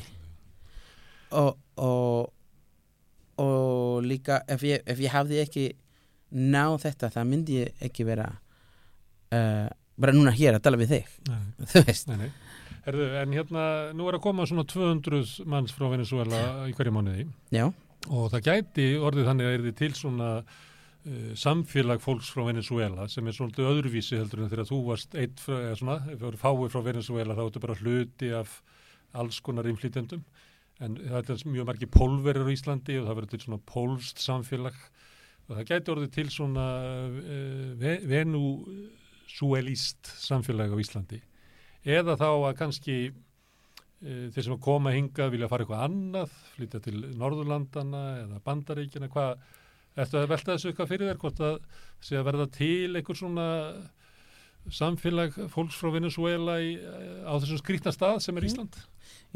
minn uh, það það það hefur verið til svona hópur venezuelt fólk Já, hérna á Íslandi uh, sem eru alltaf að miðla það er það eru fólk sem eru búin að skrifa bækur bæða, bæða spansku og íslensku. Já, uh, þess að svona riðhófundur svona, hún heitir Helen Kova uh, til dæmis. Og það eru fólk sem eru búið til sem eru búið að gera mjög góða hluti hérna á Íslandi. Mm. en það er búið að vera alltaf svona uh, samfélag. Bara málið er að svona við við erum ennþá að því að miða við Europabúar sem er mjög einfalt að fara frá e- e- ein land frá, bara svona að flytja úr land bara Mm. uh, eftir að taka, taka dæmi um fólk frá, frá Pólandi þau, allt sem þau þurfa að gera mm. er taka, uh, kaupa flugmiða Já, já, lenda hérna í Keflavík og fara í þjóðskrá. Já.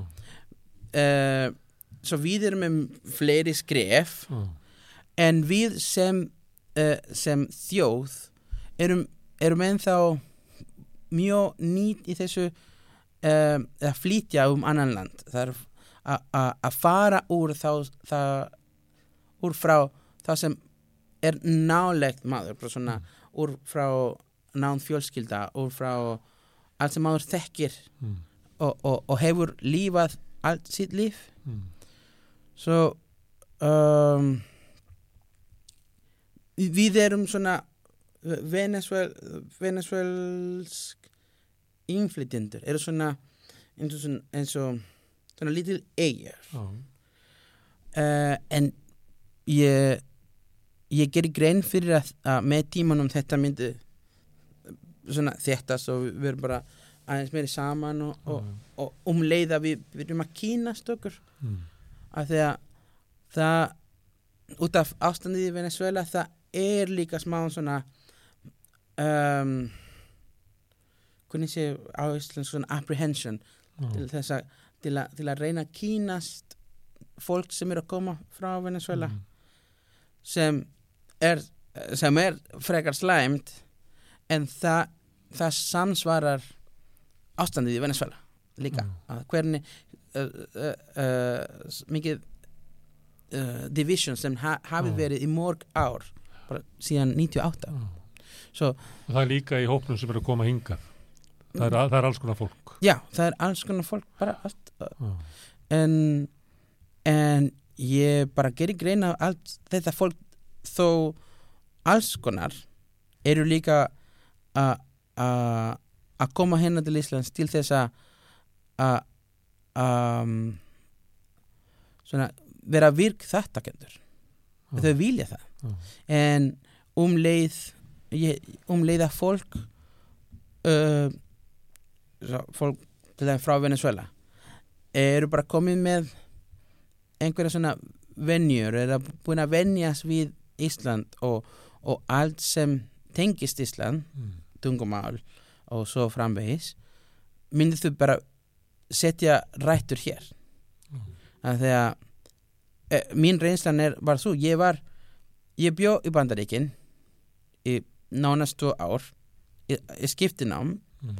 uh, en samt mér, ég, ég, mér fannst mér fannst að ég var bara svona gestur ég, ég bjó í Kolumbíu tvo ár fyrir að koma til Íslands ég var ekki að plana að koma til Íslands Nei. þegar ég flutti til Kolumbíu fyrst og þó Kolumbía og Venezuela eru bara hlýð við hlýð, við erum nagranar Mm. við erum mjög tengt uh, sagan okkar báðlandum er mjög Mm. er mjög tengt, svona nátengt uh, ég fann fyrir að já, ég- a- a- að ég sé ennþá innflytjendur, að ég er hér svona Mm. Að taka plás Mm. sem, sem innflytjendur frá Venezuela og um leið að ég kom til Íslands jú, ég, ég vissi að ég var innflytjendur en, ég- en ég fann fyrir mig svona tilfinning að ég var heima Mm. sem er, sem er eitthvað sérstak ég, að ég gat ekki að ég fann ekki á spænsku mælandi land sem er við hliðina á mínu Mm. svo ég, ég gerir grein fyrir að fólk sem er að koma hér um leið að þau upplifa meiningu og upplifa tungumál og ná tökka tungumálinu myndi líka setja rættur og finna það sama Mm. af því að við viljum bara við sem Venezuel búar Mm.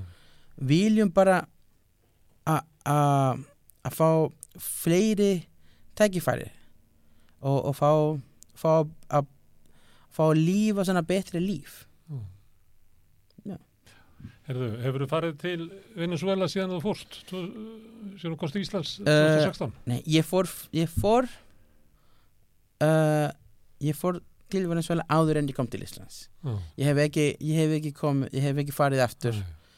um, og saknar þú Venezuela ég sagna meira fólksins? fólksins. Já, þíns? Sagna meira Já. Um, svona vini, vinir sem ég Mm. átti en þau eru bara núna dreift um, um um, um, út um allt uh, ég hef ekki farið til Venezuela því að kjarnafjölskyldan mín flutt til Argentínu Já. svo síðast sem ég fór að heimsækja kjarnafjölskyldan mín var fyrir COVID Já. og mamma mín kom til Íslands í fyrra fyrir útskrifta aftununa.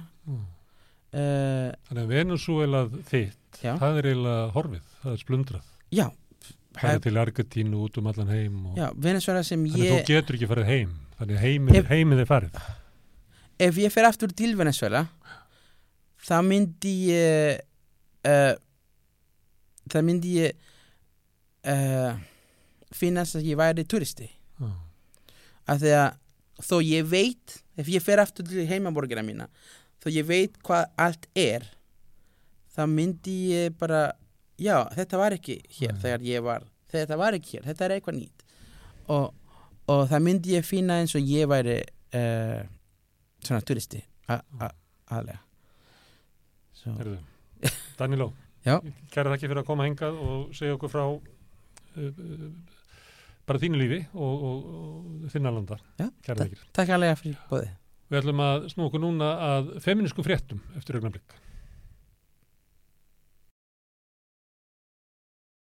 Já, uh, Sara Steff Hildadóttir er sest hérna með mér í Maríu Pétursdóttur uh, við rauðaborðið og við ætlum að fara yfir nokkrar sósíliskar fréttir vikunar.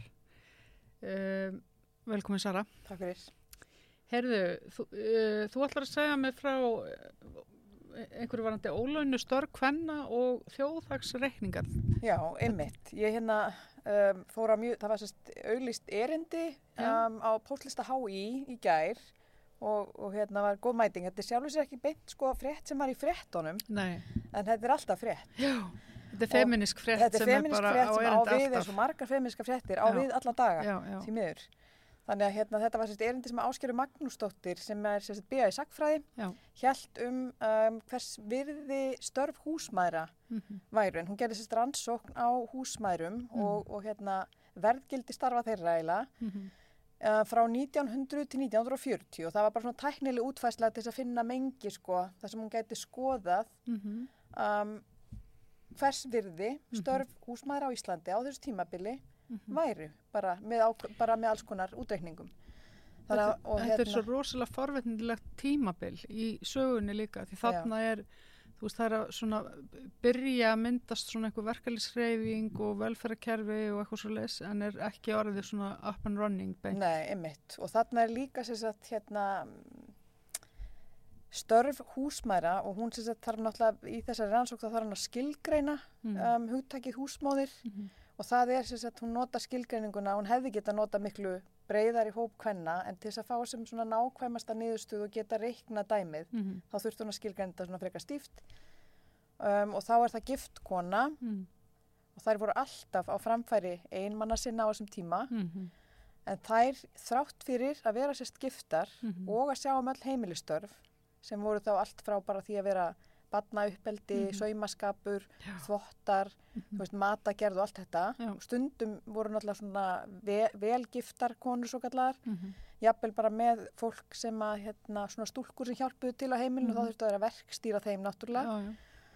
Og hérna, uh, að þær sem sagt, það, það var ekki talið þeim til tekna einu Nei, sinni á einmitt. þessum tíma Nei, og þannig að þegar hún sem sagt notar manntöl um, og einhverju svo kallar hagskýslur, þetta var mjög skemmtilegt, nú er ég ekki hagfræðingur sko, mhm, en það voru mættir hérna hagfræðingar að hlusta og náttúrulega sagfræðingar og Mhm. einhverju kynjafræðingar og svo voru við örfáður svona almúi, mhm, en, en hérna þannig að hún gat notað sorteringuna, giftar konur mhm, og þær voru skilgrendar þá sem hans kona, konan hans eða húsmóðir í þessum manntölum og þessum listum sem hún notaði já, til að byggja undir og það, eh, sérst, me, megin punkturinn í þessu hjá henni Mm. var sérst að þessi ólaunuðu heimilistörf Mhm. þau hafa um, komið til tals sérst, komst ég að um, miklu fyrr en ég átti von á já, þannig að hérna ég vissi ekki að þessi umræða væri svona gömul sko. þannig að Mhm. hún er að fara hérna alveg bara um, til 1921 ef ég Mhm, mann rétt í mhm. Svíþjóð og Nóri en sem sagt raunverulega hérna útfærði einhvers konar leið til þess að telja þessi störf með í já, tekjum þjóðarinnar, þess, þessari þjóðarframleiðslu ok, en þá var það náttúrulega skjön við hinlöndin já. og það er svo rosalega Það var ekki áhugavert. hægt að bera saman. Nei, Já, og það er nefnilega málið sko að, að hérna mm, Hæ, hættu þeir því þá þeir hættu því Þeir hættu því, Já. í staðin fyrir að hinlöndin hefðu hægt að taka þetta upp. Og... í rauninni Já, og hérna mhm, hún tala hérna til dæmis um í, í Noregi gott dæmi sem hún tók sérstaklega bara mhm, fram uh, í erindun í gær mhm, um hvernig áhrif þetta hefur Mhm. ef þú tekur sagt, metur um, ólaunuðu störfin mhm, um, bara til fjár að þá kemur hérna fram sko að í Noregi að þá jógst verglandsframleysla um 84%. 84% frá 1972 Mhm. til 1990. Mhm. En sem sagt, ef að ólaunuðu heimilstöru, þannig, þannig hérna, mm, telja þeir fram sagt, þessa landsframleyslu, Mhm. en síðan kemur núna um, það sem liggur þarna baki, ef að ólaunuðu heimilstörfin hefði verið reiknu með, Mhm. þá hefði vöxturinn verið bara 66%. En það sem er að gerast þarna 72 til 90 Mhm. er að konur er að fara út á vinnumarkaðin. Mhm. Þannig að allt í Einmitt. nú eru þær komnar út á hins vegar markað, Já, sem er svo auðvelt að skilgrina vöru og kipta þjónustu eitthvað. Og þá er það talið Mhm. um, til hagvæstarins. Mhm. En ef þú leggur síðan reiknistæmið um ólaunuð, þinn klassísku Mhm. ólaunuðu störf með, Já, þá lækkar Mhm. línan. einmitt. Þannig að mér var einmitt hugsað til Elspytar Jökuls, manstu, þegar hún fór í fórsetaframbóð með línuna, Já, alltaf bara færa línuna. já, En það, ég gat ekki betur heyrt á þessu erindi í gær, af því það virtist vera sagt, að þetta dæmi lýsir því sem gerist. Ef þú ætlar að taka ólaunuðu störfin með, Mhm. þá lækkar landsframleyslan Já, og að því þetta er ekki sambærilegt á milli landa, já, þannig að til dæmis sunnan við miðbaug, Mhm. ef það er mjög stór hluti kvenna Mhm. sem vinnur ólaunuð störf, Mhm. þá bara koksar veginn, já. skilur við, og hagvöxturinn fer bara alveg pínlítill. Mhm.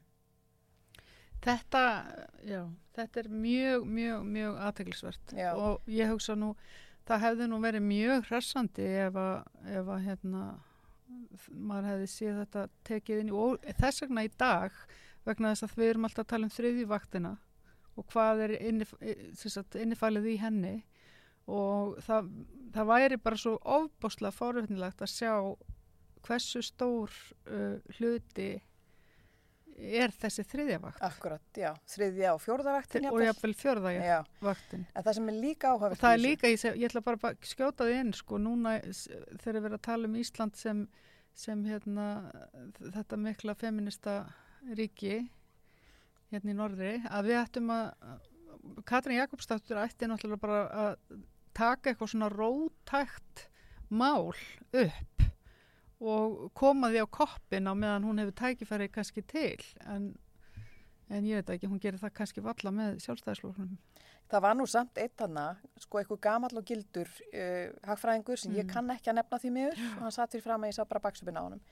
En hann sagði mér þetta, hann sagði að það er ekkert í fyrirstöðu mm að Ísland bara taki þetta upp á, á sínu, sínu eigin frumkvæði Já. Og reikni þetta inn Já, og svo fór og hann svo í bara málalengingar reyni um að hafa það, hafa þau áhrif á önnur lönd, fyrst kannski bara henni Já. kring Norrlandunum, fær gera slíkt í sama Já, og svo smitist þetta bara smám saman út að um því, heim. kja- já, einmitt, að að Það kjara- þarf einhver að byrja. Akkurat, að það sem hún raunverulega áskefður var að benda á með þessari, þessu lokaverkefni sínu var sem sagt að það sem gerist þegar þú tekur þetta ekki með Mm -hmm. að burt sér frá öllum þessum útreikningum Mm að þá ertu að útiloka þú veist raunveruleika kvenna Já, úr reynstæminu einmitt. en það sem ég vissi heldur ekki var að þessar þjóðhagsreikningar og mótilinn á bakvið eða líkanið á bakvið Mhm. það Mhm. það er svona hipsum hapsum hvenar það er endunýjað og það gerist eitthvað í gegnum til dæmis saminuð þjóðarnar Mhm. það var hérna endunýjað 93 og Mhm. þá var gerð eitthvað tilraun til þess að taka inn ólönnustör kvenna sem var síðan horfið frá Já, svo var það 2008 síðast endunýjað já, sem sagt þetta líkan og nú á að endunýja það sáð hún 2025 og hún var búin að kynna sér þessa, þetta, þessa sögu líka Mhm. Og, og hún seg, sagði sérst frá því að hún ætti ekki vona á því að þetta yrði tekið með sem hluti af aðal Mhm. um, reiknis uppleginu frekar en 2008 eða 93 Já, vegna að þetta væri núna alltaf sett inn og þetta er bara alveg kostulegt náttúrulega mhm. þetta er alltaf sett með sem eitthvað svona viðauki já. þú veist, einmitt, eitthvað svona Já, eitthvað í sérskjali Já. Já, já, Æ, þetta er alveg kostulegt sko. já, þetta er það. En þetta er En þetta var virkilega frábært erindi og hérna, Mhm. þannig að nú bara erum við með þessa fínu rannsóknirnar hérna Mhm. í Einmitt. handraðanum hjá okkur sko, Algjörlega, til þess að, skoða betur einmitt. fullt af upplýsingum hana. bara mjög, mjög forðilegt að kafa aðeins svona í þetta. Já. Herðu, uh, já, ég ætla kannski að skjóta að þegar ég er að skora Katrínu Mm Jakobs að, eða svona, ég er svona sem ég skora á hana, sko, ég kannski bara gera það bara hér og nú, Hér ég bara skora á hana að taka upp uh, og, og, og fara að rekna sérst háast tölunar með Tilliti til raunveruleika til hvenna. uh, og bara koma, já, og vera bara hérna sporgöngu kona hérna Norrlanda þjóðana og heimsins í því að, að Takk okkur með í reikningin. taka okkur með Hvað reikningin. rugl er þetta? Já, einmitt. Uh, hérna, já, ég ætla að tala um líka rafvopnavæðinguna. Ég hef pínlillar áhyggjur á henni Katrínu líka Mm og þ- því að sko hvernig er að verkstýra þessum köllum hana, þessum sjálfstæðsköllum. Já, samstarfs Já, samstarfs, flokkurinn. samstarfsflokkurinn, sko, að því að, að því að nú var umbósmaður alþingis að, að nýta, eða sérst, hann var ekki að nýta hana, hann var bara, hann var bara mjög ákveðin í í, í afstöðu sinni, að hann er, að, náttúrulega segir í rauninni í áliti sínu, eftir þetta, í loka áliti sínu, varandi rafvarnavopnin, Mm -hmm. Rafvarnarvopni. já, Þetta er bara að hérna, sem á að kalla rafvarnavopn, Þetta er svo ykkur. svona fínumáli já. en já, rafbissunar þær eru bara sagt, eh, þa- það að hann Jón taki Þessa ákvörðun upp á sitt einstæmi að það sýnir bara vanhæfni hans í rauninni. Og hann er ekki að fylgja lögum hann er ekki að fylgja stjórnarskrá Það sem hann gerði var að hann bara gerði þetta með jól og nýjás var það ekki? Jú, hann var að í rauninni og sko, Katrín skrifa út fréttir af þessu í fjölmiðlum. Já, emmitt Það er nú allt Já, samstarfið. og hann, og hann segir sko sérstaklega þar sem Katrín hafi beðið um sérst að þetta er því rætt í, því, í uh, hérna, Þinginu, Nei, þetta er rætt bara í, af ráðhörum Já, og hérna í ráðhöranemndinni eða, eða í forsættisnefndinni. Já, Já, eða eitthvað, skilur að Skiptir ríkis, ekki öllu máli. ríkistjórnarfundi já, að þá hlustar hann ekkert á það og fer bara sína sínu leið fram, sko. já. já, fer sínu fram þannig að hann aktar hann bara eins og einhver einræðisara mhm, og hérna en Katrín segir, ég las um eitt skýsluna því ég var að skrifa fréttir um daginn og samstöðun um daginn sko mhm. og Katrín skrifaði mitt í sinni skýslu sko sem svari við fyrstu aðtöðsendinni hans að þá segir hún eitthvað svona já ég get ekki, sé ekki að ég hefði geta farið með þetta eitthvað lengra hann bara hérna svona var þetta bara mhm. og hann er mjög ósamála þessu svari hennar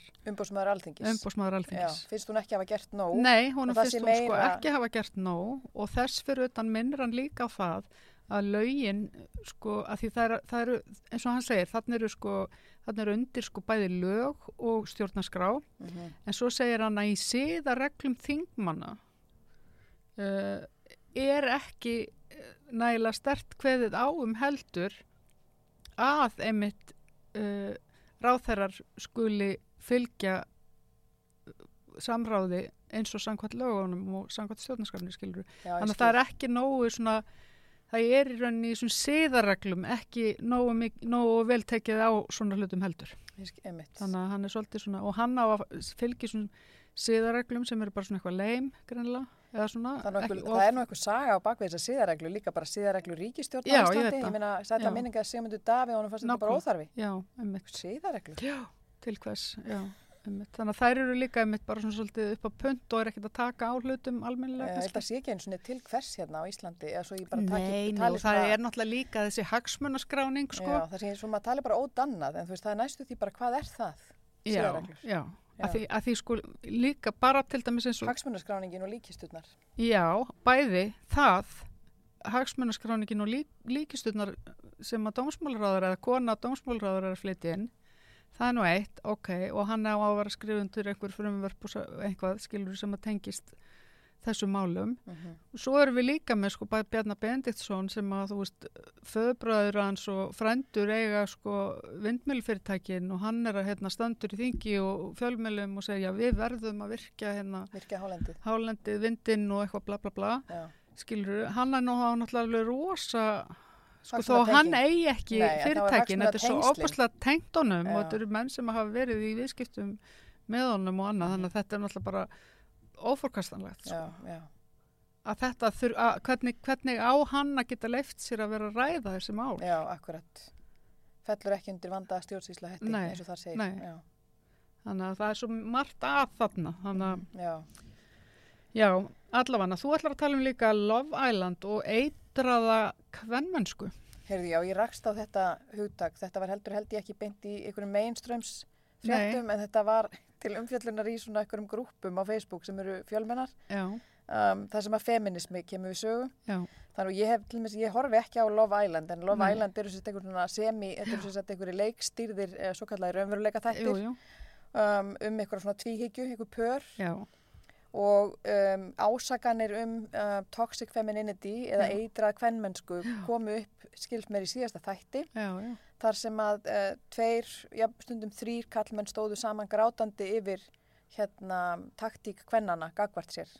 Að þú veist, þá var verið að tala um að þær hafi raunverulega beitt svona samskonar um, uh, ofbeldishegðun eða kúunarhegðun og karlar eru oftast sakaður um að, Já. að, hérna, að beita konur. Já, og þarna átti einhvern veginn, sem sagt, hugtakið er umdelt og hefur komið upp áður Já. og það var verið að reyna umræðan fjallaði bara um sko hvort þetta væri bara algjörspeiklun, já, þú veist, einmitt, á því að konur væru bara raunverulega hérna, þá að stíga eins og inn í hitt blessaða stígveldi sko já, og bara haga sér eins og kallarnir. já, En það var einhver einmitt sem að benti á í umræðufræði á hérna, Facebook-þræðinum mm, að andhverfan við sko toxic masculinity Mhm. er ekki eitruð kvennmennska sem slík nei, nei, að því hún er náttúrulega afur þessara hérna, já, ferraveldisins sko. já, já, heldur er það uh, hvern hatur já, bara sem Einmitt. slík Já.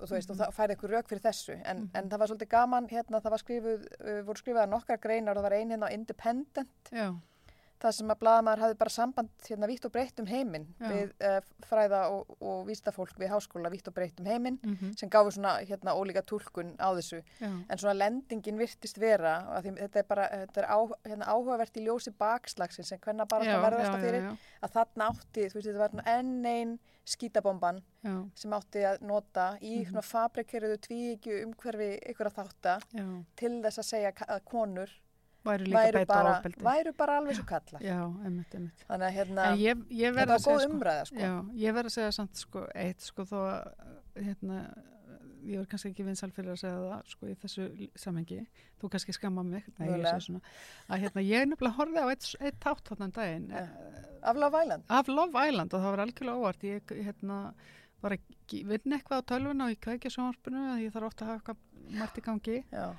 og hérna og yngsta barni mitt sem sagt kemur inn í stofu og, og sest og fyrir eitthvað að gera sinni tölvu og lítur svo á sjónvarp og f- fer að heyra eitthvað sko eitthvað svona og lítur svo á sjónvarp og segir bara mamma á hvað ert þú eiginlega að horfa mhm, mjög nexlað sko og hérna og ég segi bara ég þetta er hann að eitthvað Love Island, ég ákvað bara að leifis að vera ég hafði verið, að- ef það var einhver annar þáttur sem var áhuga að vera undan sko, sem Mhm. ég var að horfa, já, Mhm. þá þannig svo bara byrjar þetta að rúlla sko og ég Mhm. bara eitthvað, hmm Mm. Og hérna, nema hvað að ég fer eitthvað svona gamni bara eitthvað að fylgjast með þessu smá stund.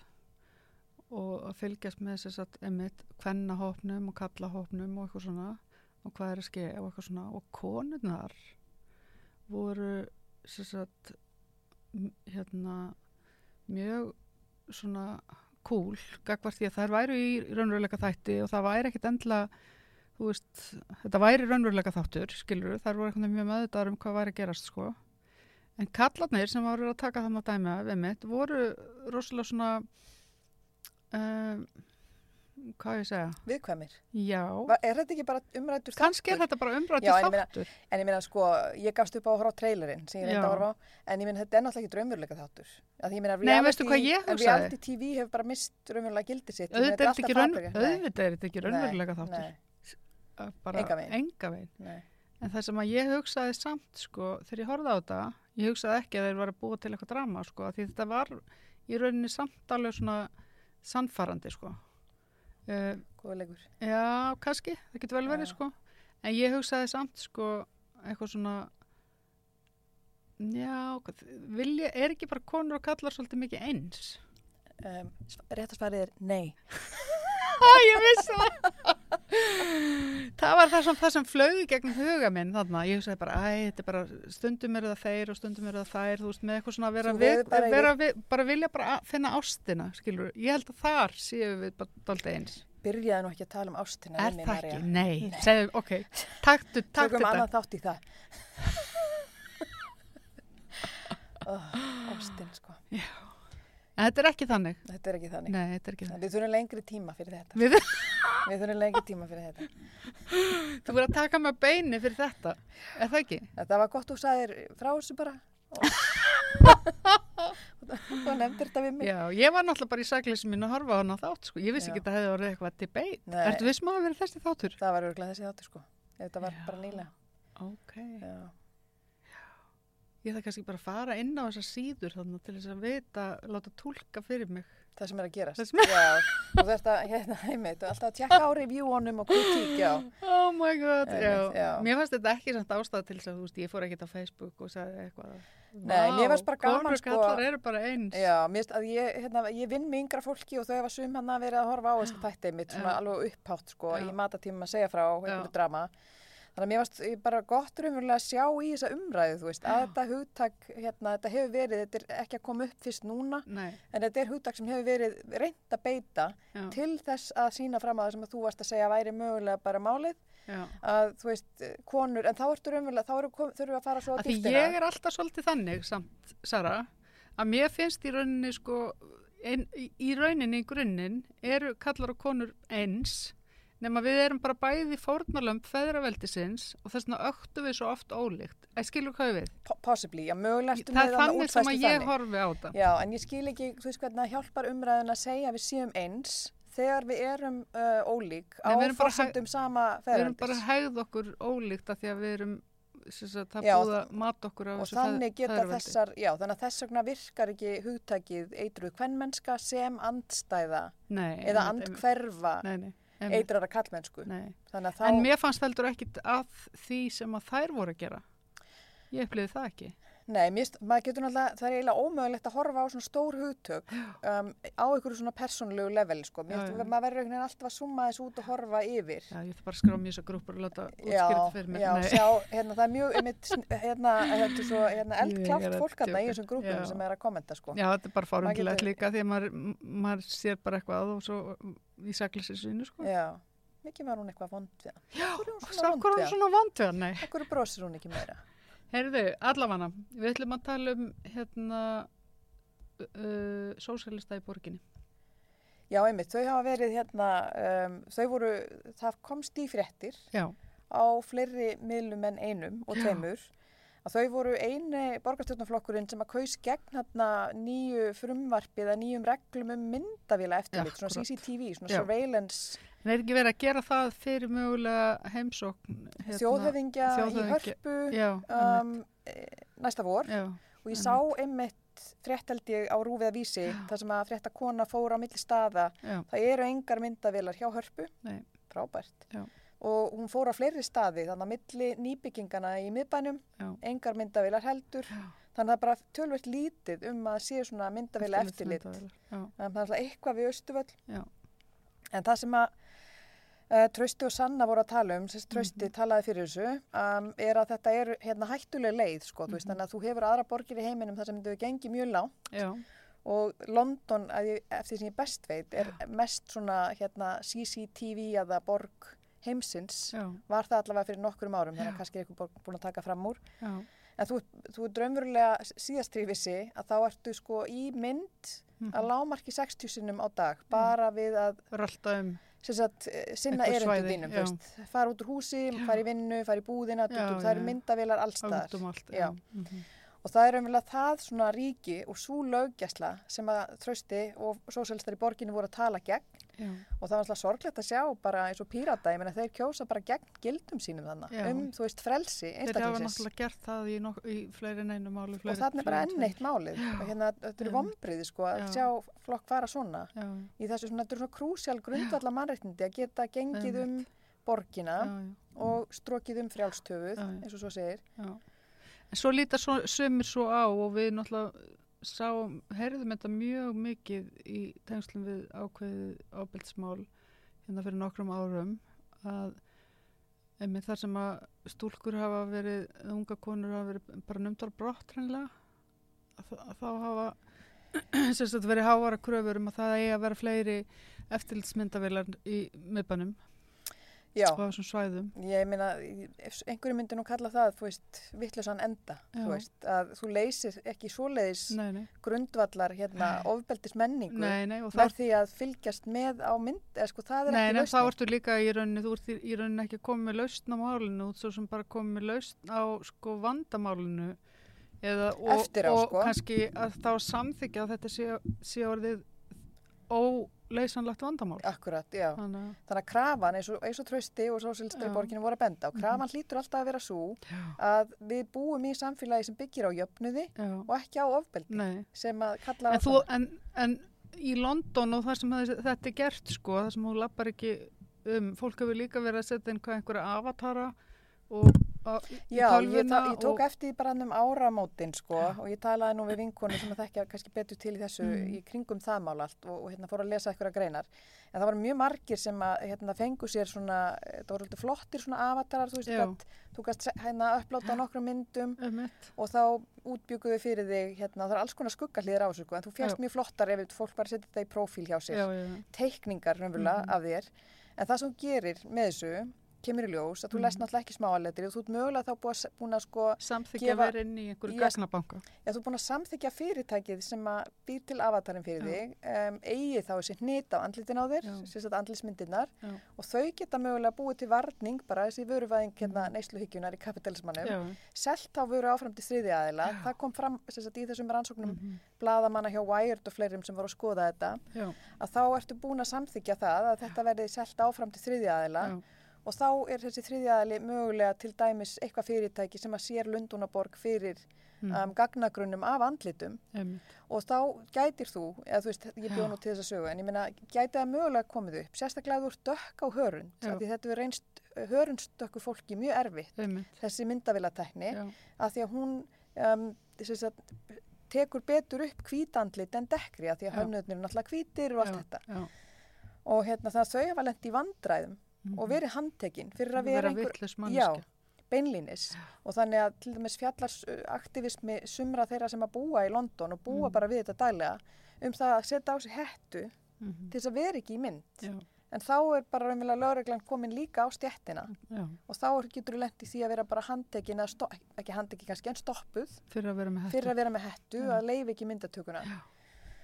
Og hérna, þannig að þú veist, þetta hefur bara miklu alvarlegri afleiðingar en fólk er að gera sér grein fyrir líka þessi, avatartækni að, að gefa Mhm.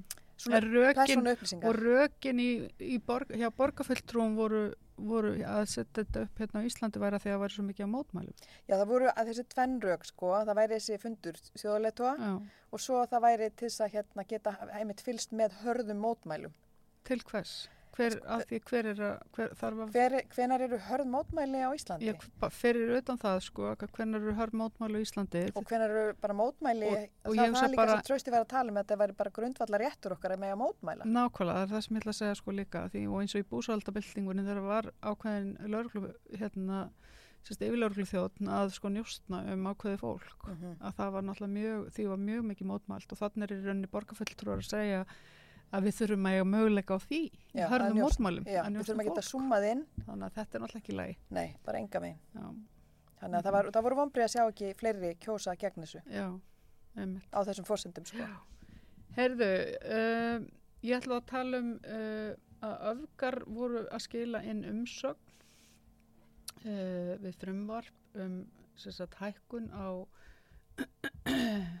á já, lágmark lögræðis já, sérst, já, hækkun á, á ég veit ekki hvað, hvað er þetta að kalla þetta lög, að sem að vísir talað um kynferðislegan lámarsaldur kynferðslegan lámasaldur, já. Um, að það er sagt, já. Það er styðja það það, er þetta núna verði hækkað í 15 ára átján að sem sagt, fullorinn mannskja má sofa hjá 15 ára barni í dag á þess að fá dóm. Og hérna þá hækka það upp í 18 ára og það eru mjög fegna því það er og styðja það. það er styðja það að því, en það eru, það er ekki allir sammála þessu sko. Og það Mhm. með aðal annars var viðtali í 13 um daginn við sko aðstofa ríksaksóknara sem, að- sem að var í raunin að- hallmæla því að það, já, hún vildi meina að það væri ykkur önnur svona lagaleg meðul til já, sem að gerði fyrir það Já, að börn lendi í þessum aðstæðum. En það voru En, það, en það eru einmitt að, einmitt að benda á það að sko það eru, þú veist, til dæmis lög sem að eh, varða klámfengi myndefni og myndatökur og annað uh, þar sem að sagt, þú þarft að vera hann 18 ára Mhm, en á sama tíma má fullorinn sofa hjá þér 15 ára, skilu, þetta, er, þetta stangast svo á mhm, einmitt.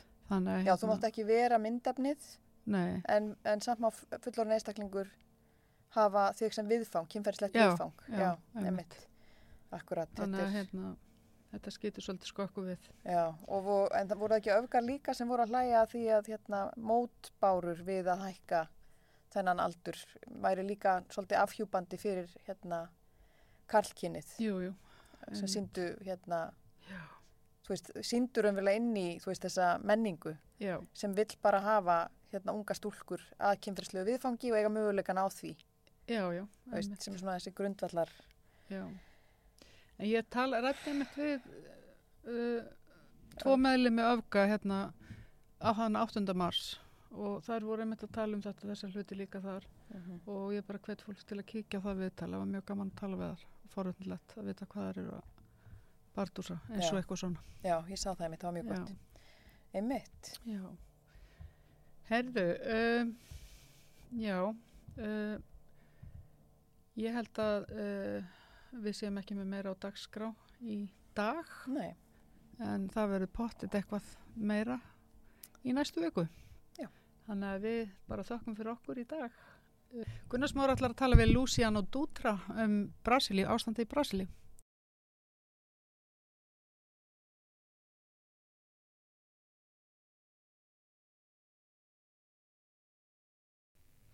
Já, eins og oft við rauðaborðið þá ætlum við að fara núna í ferðalag. Við fáum til okkar fólk sem að getur frætt okkur um aðrar deildir jarðar og nú er komið að Brasilíu og Luciano Dutra er hinga komin. Þú ert frá Brasilíu. Já, fættur þar. Verður velkomin. Takk. Hérna, Brasilíu er náttúrulega ógnar stort land og flókið og mikið fólki og það er ekki auðvöld að útskýra Brasilíu. Nei, og það kemur mér oft uh, óvert hvað fólk veit Lítið. lítið um, um Já. Brasil og Suður Ameríku og Rómanska Ameríku almennt hér á, á Íslandi. Fólk Já. veit ekki til dæmis að uh, sé, við séum portugalsku mælandi í Brasil og ekki spænsku Já. mælandi og svona hluti, svona Já, grunnvalla atriði fyrir okkur allavega sem búum þarna. Þannig að við skulum reyna að átt okkur á uh, Brasilíu og ef við tökum svona, þannig er náttúrulega þjóðin er marg brotin, það eru uh, þeir sem voruð náður, innfættir, það eru afkomendur uh, portugalskra innflytjenda og það eru afkomendur fólks frá Afríku sem var flutt inn sem þrælar. Og hvað, hvernig eru, eh, hérna, Hvernig eru þessar sammistir, þessar ólíka fólks Og frumbyggjar. á frumbyggjar? Já. um, nokkur hundru mismunandi þjóðir sem Já. bjögur þarna bara á öldum og saman áður en Portugali hérna, fundu Brasilíu upp og uh, já þetta er átaka saga eins og, eins og hérna, gefur að skilja og um, sérstaklega eftir að Portugalir fóru í alvöru að uh, byggja upp landið sem Já. var þá þegar uh, já, konungsfjölskylda fl flúði Napoleon stríði uh, frá, frá Lissabon og með öllu sínu um, bókasafnið um, bara, já, hyrðina í heilsinni, bara flutt frá Lissabon til Ríó Mm. og, og þá fyrst fer, fer fara hlutina að gerast eins og þá er stopnum fyrstu svona háskóla í Brasilíu og brennsmiðju um, það var bann á brendi og á hérna, háskóla mentun fram til þessa við erum að tala um árið 1810 Mm. um, á meðan til dæmis uh, spánverjar leiðu háskólar að, að stopnum háskóla alveg frá 17. öld í Mexiko, í Argentínu, Peru þannig að það er munur á, á hvernig uh, nýlendu stefna var framkvæmt í þessum löndu Mm. útskýrir kannski svona, munur milli hvernig, hvernig samfélag, hver, hvers konar samfélag mótast í Brasilíu sem er frábrúð því sem gerist, að gerðist á spænsku mælandi megin Mm. sem er mm, fleiri þjóðir, það, það er eitt munur að það eru, þetta hefur skipt, skiptst í margar þjóðir þegar þessi þessar þjóðir voru að uh, fá eða berast fyrir uh, sjálfstæði frá, frá Spáni Já. og en Brasilia held bara, já, svona mm, nokkuð nokkuð fein svona heild uh, heilstætt frá því sem var undir Portugalum Mm. og tungumáli líka Mm. þetta er svona forvitinlega hva, hvernig þetta gæti gerst það eru svo mismunandi og uh, landsfæði og, og, og menningar menningar heima Mm. má, má, má segja Þannig að það er eiginlega förðulegt að Brasilia eða Portugalska Suður Ameríka hafi haldið saman sem eitt land. Jú, jú, þetta er fyrirbæri út af fyrir sig og Mm. þetta er, já, mm, ég held að það sé ekki komið í botni um hvernig stóð á því Mm. og um, þetta ætti, þetta gæti auðverðlega hafi verið skipt í fimm, sex mismunandi þjóðir Mm. um, en svo var ekki. Nei. Má ég þá spyrja, eh, tengsli við Portugal, er, er það svona móðurlandið? Eh, Ég man að ég var í Portugal eh, bara fyrir meirinn 40 árum og þá gekk ekki vel í Portugal, var mikil kreppaðar og uh, nýlendunar í Afríku nýfrjálsar og, og þá töluðu allir um sko að Brasilia væri sko, það hefði það var svona hugmyndi var eiginlega svo að besta fólkið hefði farið til Brasilíu. Brasilíu gengi vel, en Portugal ítla. Þannig þar var svona sterk tilfinning fyrir að Brasilia væri svona Portugal. Já, þetta Já. er eitthvað svona nýlendu Já, En nostalgía. hvernig er Portugal frá Brasilíu séð?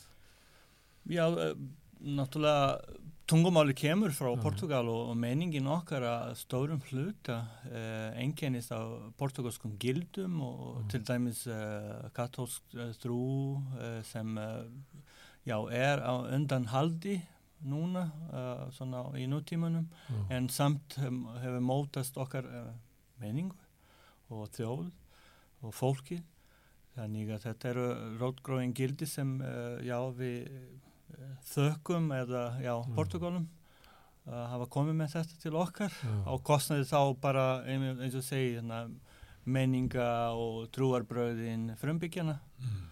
um, það er kært á milli uh. Portugala og Brasiliumanna um, en uh, Kannski að því að Portugal er lítið land og veikt, við kannski Bretland eða Frakland eh, sem eru svona nýlöndu þjóðir, þar sem er horta á það sem hafa miklu meiri, mikil afskipta nýlöndunum og Já, en, eða hvað? en Portugal eins nú til dags er þjóð sem enginnist af þessu nýlendu tíma og þannig að þarna í, uh, íbúar Portugals eru bara af ymsu toga, Mm. fólk frá Afriku, frá þessum fimm lönd í Afriku sem, sem tala portugalsku ennþá uh, frá Macau í Kína, Austur Tímor, Brasilíu og Brasilíu Já, mikið. já. um, Brasilia er orðin uh, st- uh, já, vegna þess að það er stórt land og Já. með stór íbúafjölda mjög stóra íbúafjölda þá er portugalska í Brasilia ráðandi í dag til dæmis maður sér í svona eins og í Office pakka, í Adobe pakka, þessi forrit eru sitt fyrst og fremst á brasilíska portugalsku og Portugalir er ekki voðalega ánægð með það.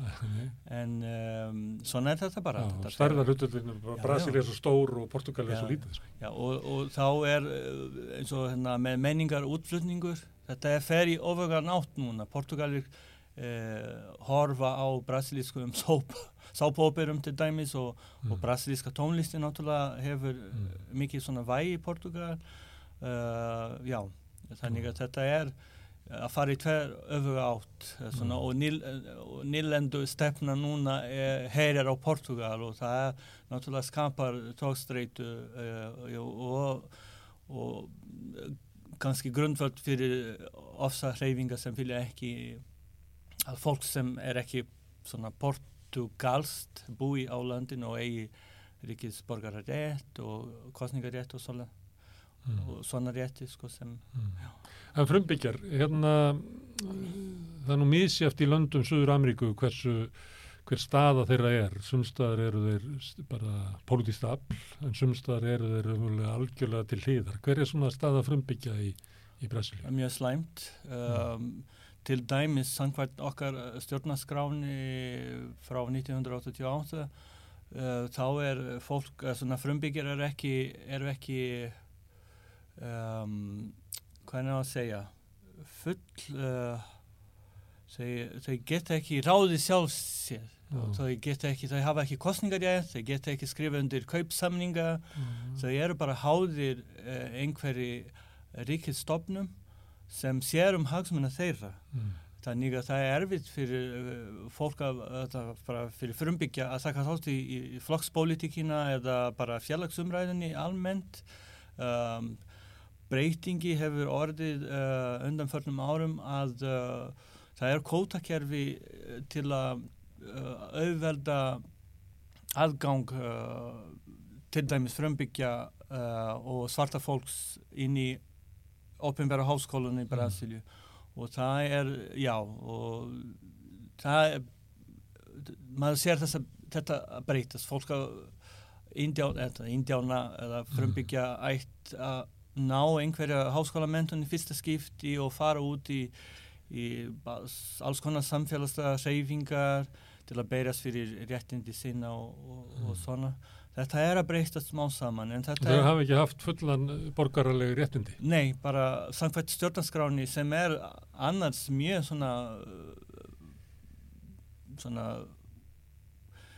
að við leiti til dæmis með, með uh, umhverfisvernd Mm. um, með uh, réttindi atvinnufólks uh, launafólks meina ég þetta er svona framsæki stjórnarskrá en gagvart Mm. frumbyggjum þetta er bara svona afturhalds Já.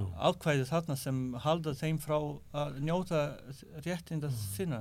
Rauðunar skilgrind eins og svona hertekið, uh, hertekið, hertekið fólk. Þannig að það hefur ekki rétt eins og aðri borgarar í, í Brasilíu heldur er verið að reyna að halda stjórn á þeim og þau geta haft ykkur áhrif á ykkur stopnun innan samfélagsins. Já, en Mm. á hínbóin þá eru þau samt, samkvæmt sama stjórnarskráni, þau eru með svona þjóðgardi í, á, á sinnum yfirráðum svæðum, þar sem þau geta þá bara, já, bara lífa samkvæmt sinnum uh, menningum og Mm. reglum, uh, svo framalega að það fari broti ekki gegn uh, brasilískum lögum og Það er svona. svona takmarkað sjálfstjórn á sínum Já.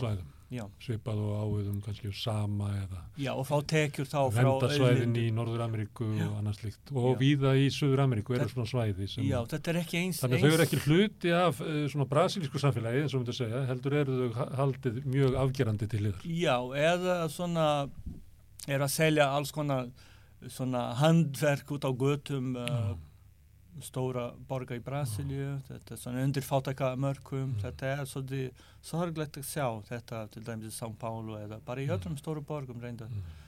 að uh, konur og, og smábörn sem sitja á gangstjætti að selja einhverja skartgrippi eða já, svona handverk Mm. Svona gestir í einlandi. já, En e, það var flutt inn mikið af, af fólki frá Afríku sem þrælum og það var þrælahaldi í, í Brasilíu um, sem að það, var, það hætti ekki í, í borgarastyrjöld eins og í bandaríkjunum heldur var hérna, þræla höldur honum borgaðar bætur. já Já. Þetta var síðasta stjóði í vesturlöndum að afnum, afnuma Mm. mm. þrælahaldi. Þetta gerist árið 1888 um, með lögum sem þá einhver prinsessa skrifa undir samtíkti að þau núna eru, eru þau frjáls Mm. uh, og en hvað það í raunveruleikanum fyrir þetta fólk? Já.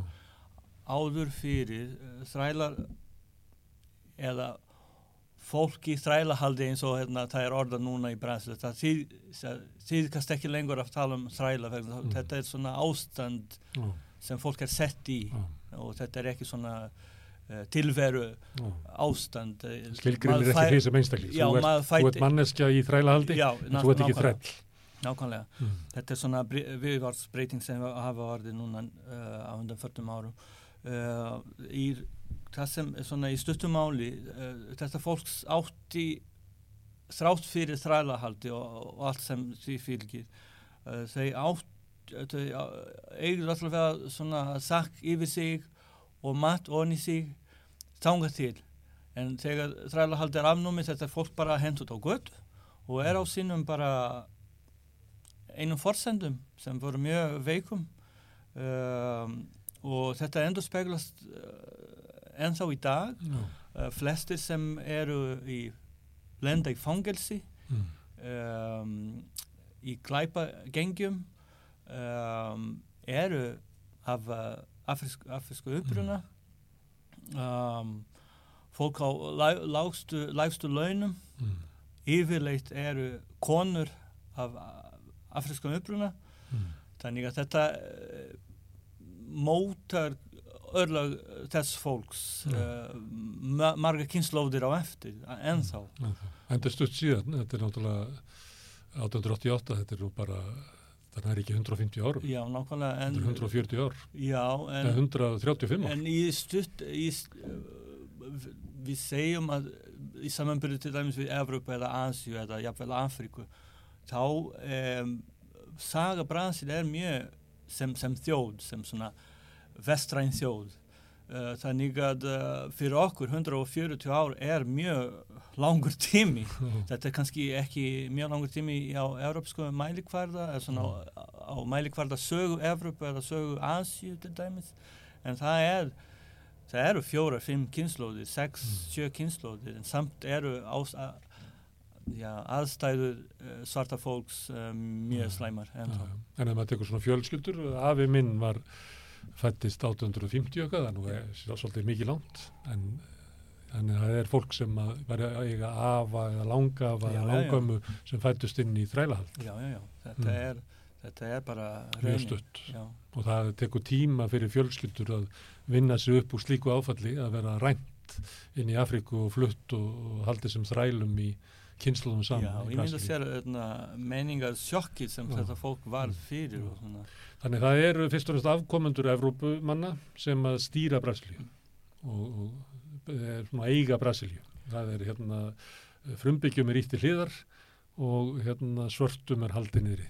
Já, og svo eh, þegar uh, þræla haldið afnumið árið 1888 þá fór keisari, Brasilíu fær keisaraveldi Mm. fram að uh, 1889 um, keisari Pétur Hannar hann um, vildi fá bara mentaða hvita, fólk frá Európu til að koma í störfum sem eða, þræ, eða, svona, fólk sem var í þrælahaldi áður fyrr. Og uh, það verður nok gerðar nokkrar svona herrferðir, auglýsinga herrferðir í Evropu, til dæmis í Þískalandi, Ítalju til að fá nýtt uh, kvitt blóð Já. til að, já, ja, til að hefja uh, nýra, ný, ný tímabili í brasilíska sögu þá Mm. og, um, og það í þessum stuttum tíma eins og þú varst að nefna að segja uh, hafa til dæmis fjölskyldur af ítölsku umbruna, Mm. þísku umbruna náð miklu betur í orðið miklu betur í samfélaginu uh, og jafnvel Íslendingar sem fluttu til Brasil Mm. líka í svona. Litlum mæli uh, á 19. öld þetta er fólk sem er vel að sér núna og er Mm. ríkt eða svona meðalagi ríkt fólk uh, Þannig það er ekki allt, eh, þeir sem er frá Európa er ekki allir frá Portugal. Nei, Portug, uh, þetta er gamla, gamla evrópska stopnin sko. Mm. svo kemur koma þessa hérna, innflytjanda bylgjur Mm. út upp frá já, hérna, undir lok 19. aldar og fram til uh, og eftir sentin heimstyrjöld var ennþá fólk að flytja þanga Mm. um, jafnvel og svo eftir það með uh, Salazar í Portugal voru Portugalir einhverjir að flýja landinu Mm. til Brasilíu Uh, til Venezuela líka en uh, mest til Brasilíu þetta var auðvitað fyrir þá tungumálsins Mm. vegna Ok, það er hérna, þetta er flókið land, uh, er, er, þetta, s- eru sk- svona svo stórt, er, er, er þetta þannig að það er hérna borgirnar og svo dreifbíli það sem er meiri íhaldsemi eins og er í mörgum löndum eða er þetta norður og söður eða hvernig er, er hægt að vera með svona skiptingu á því hversu svona er ólík afstæða kannski í pólitík eftir því hvar, hvað er á landinu við erum? Já, stærstu borgir og flestis svona eh, fylgis höfuborgar eru við strandlínu Mm. alveg frá Amazoni og niður í söður Brasilíu og, og við landamæri Uruguay. Um, það eru nokkuð svona einingar út á, inn, á, inn á landið eða út á landið um, sem eru stórt svæði en en, en mjög svona það bú ekki bú ekki margir í Mm. samanbyrði við uh, Ströndina. já, já, svæði Já. sem eru við strand, ströndum Já. þannig að uh, bara íðna, já eins og íðnaðu og, og verslun og, og allt þetta helstu mentunarstopnanir eru við þessa strandlínu bara fyrir utan höfuborgina hana, sem er tilbúin borg Já. En ég manna þegar við vorum að ræða í aðræðanda kostningana þá var talað svona um norðrið og söðrið og það var, minnir að sko Lúla hafi eiginlega verið sterkar í norðurinn og svona, norðaustri norðaustri, hvað, já. hvað ræðu því? Þetta eru fátækasta svæði Mm. landsins uh, og, og kannski um, ríkistjórni Lula fyrstu og, og fyrst, fyrst, í fyrsta skipt sem og, og annað skipt sem hann var fórseti. Uh, þá kom hann með uh, hann byggði upp svona vísir að velferðarkerfi í Brasilíu með einhverja bætur fyrir fólk uh, fátæka fólkið og fólk í atvinnuleysi um, svona, líka sem kvartning fyrir fjölskyldur að senda börnin í skóla um, og, og þar sem norðaustur og Amazonisvæði eru í samanbyrði við, við hérna, söðrið eru fátækustu Mm. svæði náttúrulega þetta hafiði meira áhrif þarna og uh, uh, og, og, og, og fólki þarna saknaði Lula Mm. og þess vegna fekk hann betri, betri kostningu þar heldur en uh, til dæmis í São Paulo sem er uh, staður þar sem hann stopnaði verkamannaflokkin á sínum tíma Mm. þannig að uh, sem er orðið mjög íhaldsamt svæði núna Já. þannig að fólki í norðaustri naut hérna, þessa stefnu já, Lúla. og velgengni Já. þeirra var já, uh, útskýrir kannski af hverju hann er ennþá uh, uh, vinsætli þarna heldur en annar staðir á landinu Mm. og, og, anstæðingur hans fekk bara mjög litla undirtektir þarna Já. þannig að já, þetta er kannski helst útskýringin En uh, brasilísk stjórnmál eru flókin. Það eru stjættastjórnmál einhver leiti, en síðan er þetta líka, ég veit ekki hvað er það uh, afleðing af nýlenduveldinu, þetta svona uh, sambandi við að svona reyna að halda ríkinu saman og herin og hvað er hægt að kalla þetta afl sem að til dæmis eins og Lúla og, og margir eru að berjast við, það er eitthvað svona vilja til þess að halda einhverju hettu á, á, á, á Brasilíu. já og Er Og- þjóðvernis, uh, er þetta stjórnlindi, er þetta gömlu landegundir, hvaða afl er þetta sem að vil, já, þetta er stórt að spurt Já, það já, það hérna. Uh, það uh, ég held að helsta vandamálið uh, sé það að jafnvel undir Lúla og, og, Dilmu á sínum tíma var mikið lagt upp á að fólki hafi aðgangað uh, um, já, kannski betri efnahag og, og, og aðganga vörur í raun og veru Mm. uh, svona fremur svona kapitalísk kapitalísk stefna uh, undir formerkjum uh, sósel, svona, Já. só- sósíalista stef, stefnu um, jú var líka, líka lagt kapp á að fólki fátæka fólki fengi betri mentun og aðganga mentunarkerfi um, sem er að skila sér og mun skila sér til, til frambúðar en uh, um fyrir vikið um leið og efnahagurinn uh, hrundi þá fer stuðningur uh, verkamannaflokks og þessa hugmyndafræði líka bara fer undir Mm. og, og að hluta til útskýrir af hverju Bolsonaro fekk uh, hérna, uh, meðbyr á sinnum tíma uh, fyrir fimm árum síðan um,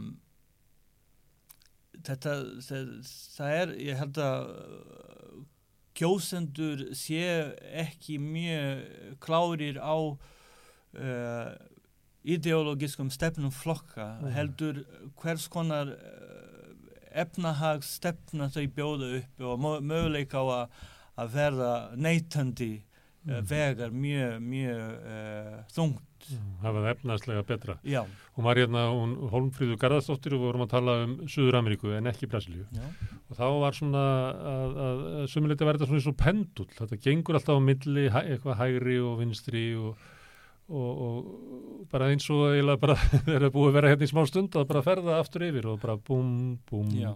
Er, það- er, mætti það segja þetta líka um Brasilíu að það sé svona sveifla frá einhvers konar eh, vinstri stjórn yfir í einhverja hægri stjórn og veldur það þá bara hver efnaðs ástandi hverju sinni fyrir eftir sveiflum bara kapitalismans. Jú, í raun og veru fengst að Brasilia er uh, enda þótt landi sé mjög ríkt að því leiti að auðlindir eru bara ótal margt sem er uh, í, bara alls konar steinolja úranjum, bara nefndu það. Já, og svo landbúnaður mjög sterkur um, um, en þetta er útflutningsefnahagur. Já, svo við erum háðir hversu vel gengur í núna aðalega í Kína.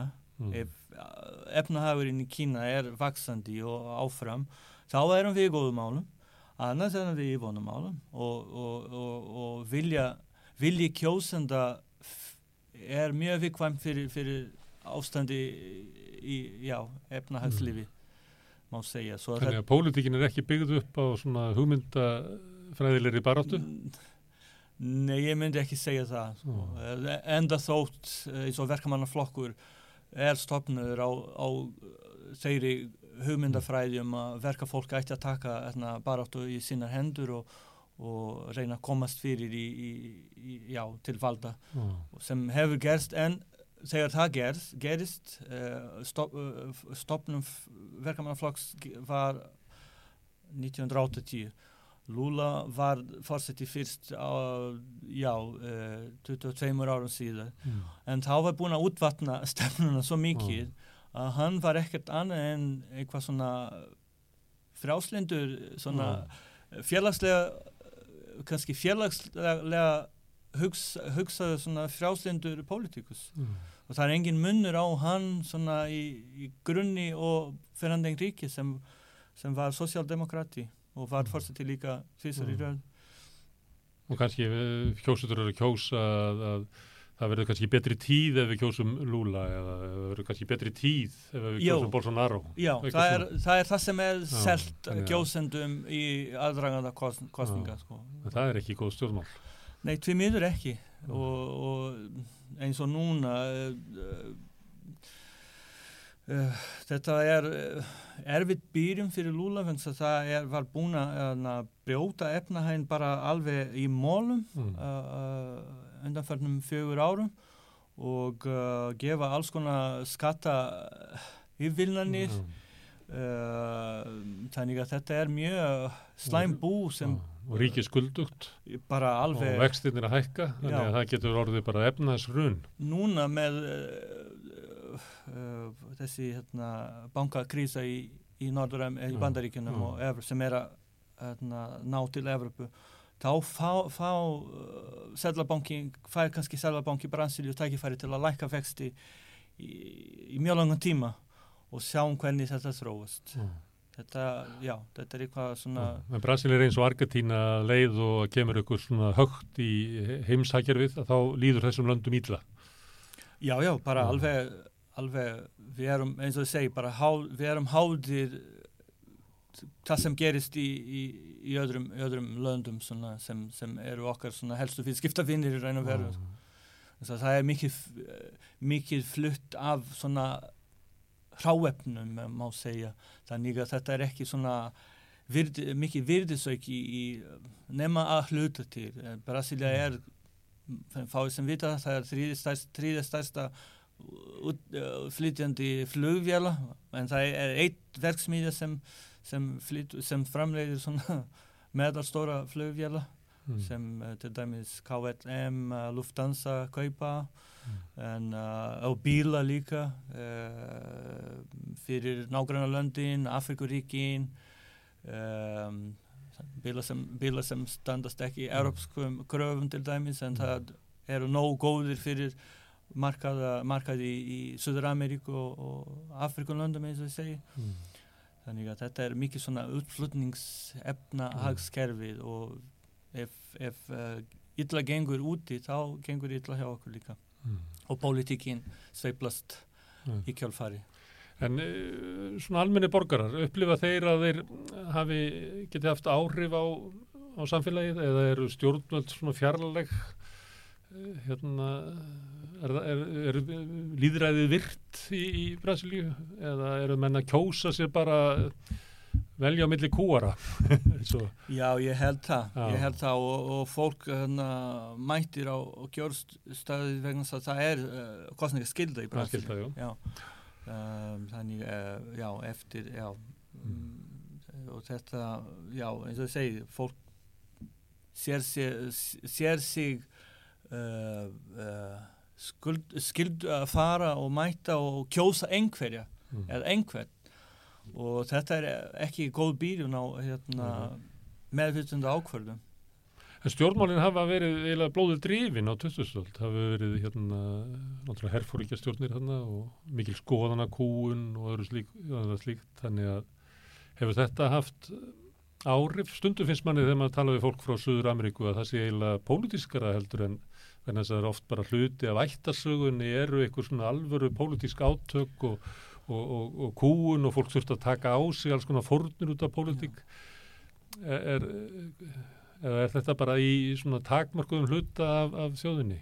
Já, að, hvað barðar Brasilíu allavega sko. Já. ég held að þetta sem þú varst að lýsa eigi betur við spænskum ælandi Já, uh, löndin í, í, í Suður Ameríku já. uh, í Argentínu til dæmis það var bara mjög ljótt stríð, borgarastríð í raun og veru og þar sem uh, 40.000 uh, ekki fleiri hafa fallið og, Já. og sama í, í, í Uruguay og Chile og Paraguay, nefndu það, Bolíviu Mm. öll þessi lönd hafa uh, farið illa af þessum hérna, herrstjórnum Já. á sinnum tíma það var frekar lítið um svona beint, svona opin átök í, Mm. í, í Brasilju einhverjir skærulíðar svona Mm. út á landi en um, einhverjir svona bankaránir eða mm. mannrán til dæmis uh, frægt dæmi það sem hérna, bandarískur uh, ræðismadur í Ríó var hérna rændur og, og, Mm. og, og, og ég hætta yfir hundru, hundrað uh, politíski, politíski fangar hafa fengið frelsið þá bara til að fara úr landi í skipti fyrir, fyrir lífi hans Já. uh, en þetta var svona mjög takkmarkað þetta, Ekki stjúp sár og er við annars þar. Nei, nei, en hins vegar uh, fyrir vikið í þessum löndum í kringum okkur uh, þá hefur uh, hefur átt sér það uppgjör þannig að þetta var átakanlegt og blóðugt. Mm. eins og í Argentin er ennþá verið að dæma uh, herrfóringja eða, eða, e, eða slikt en þetta hefur aldrei gerst í Brasil það var sammið um, um svona anistíu Mm. og, og já, sakaraupp og það ekki, ekki hérna, það var ein, eins og segið, það vantaði þessa uppgjör og þetta uh, opnar uh, í raun og veru svona,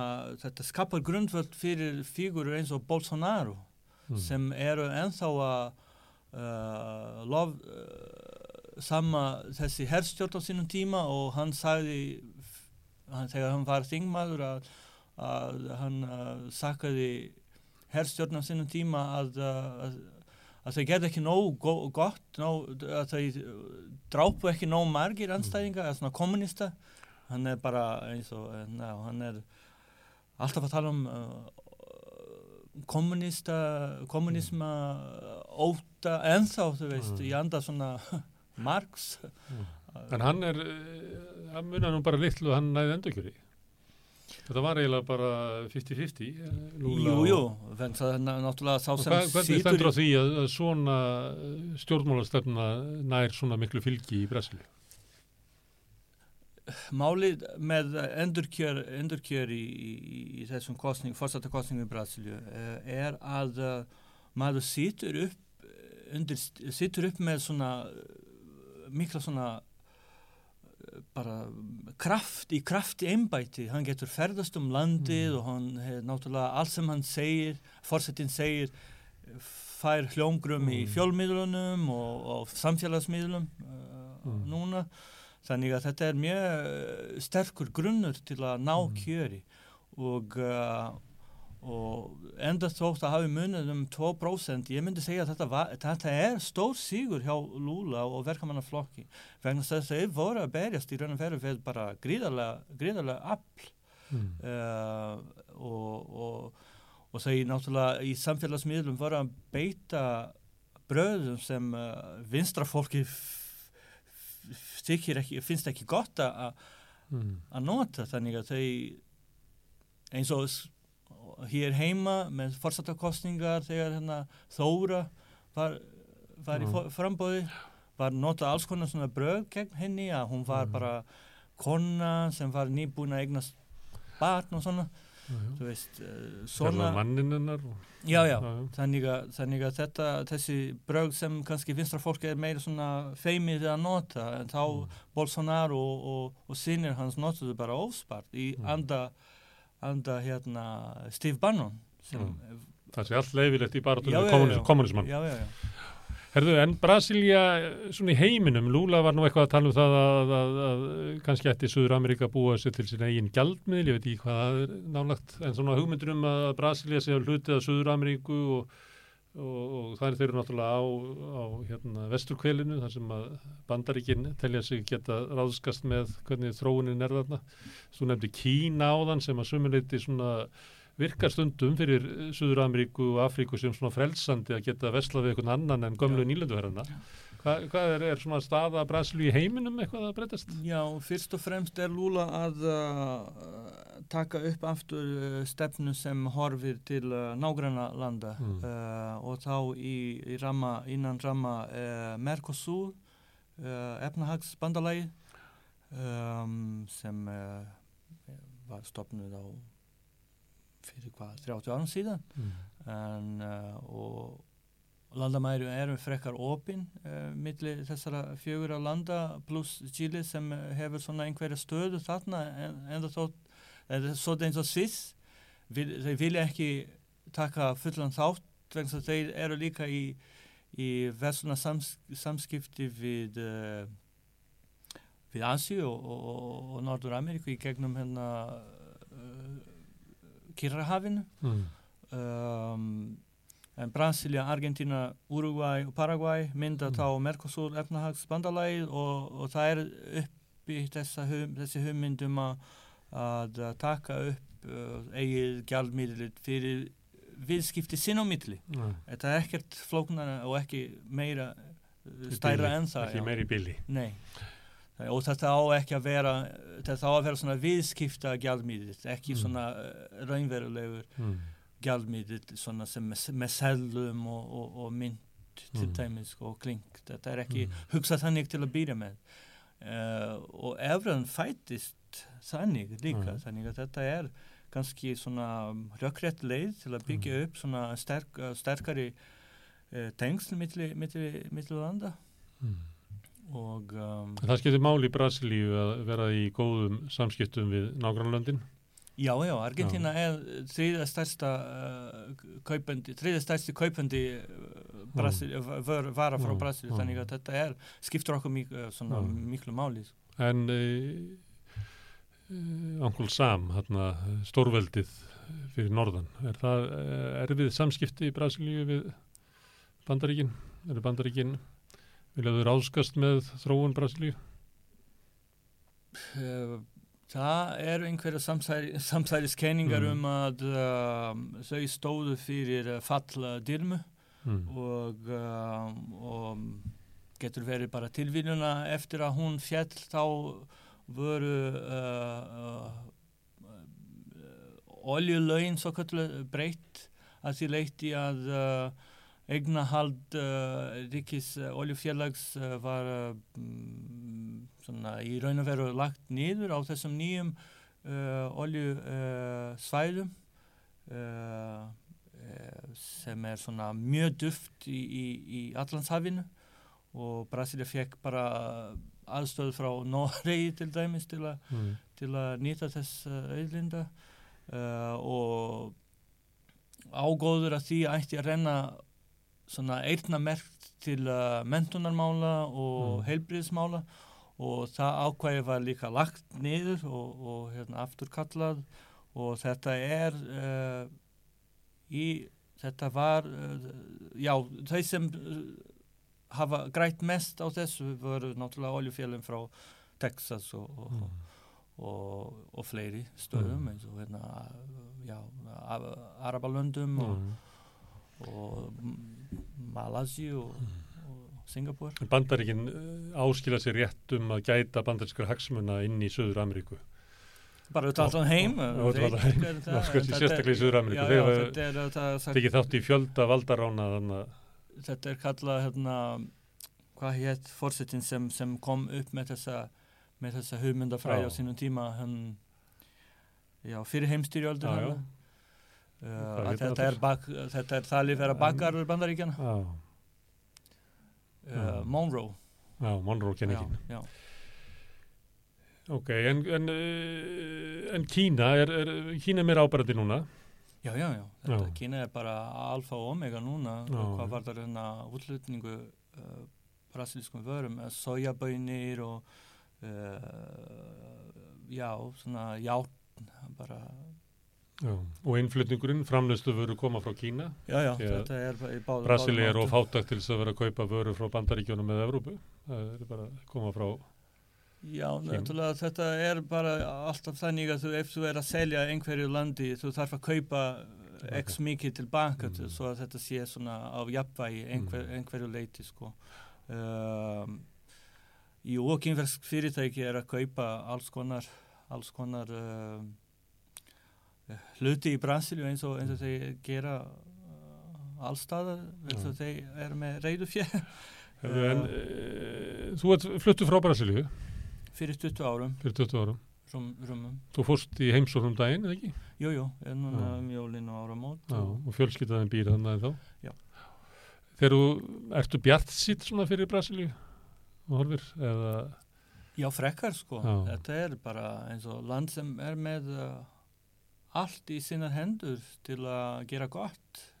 Uh, auðlindir, Já, uh, skapandi fólk, enda þótt að mentunar sé kannski megi fara hæra mm, uh, en nýsköpun er bara raunin. mm, Um, já,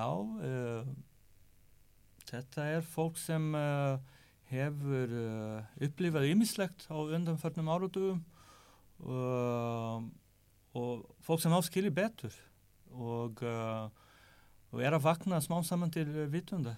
Um, uh, já, ég, ég, Þú ert bjart sitt. já, ég er svona hólega bjart sinn. Já. En það, eins og þú sagði, þetta getur seiflast mjög hratt eins og hefur gerst núna undan farið. Sko. Herðu, Luciano, kæra þakki til að koma hingað og staldra við og segja okkur frá Brasilíu. Takk fyrir mig. Takkilega.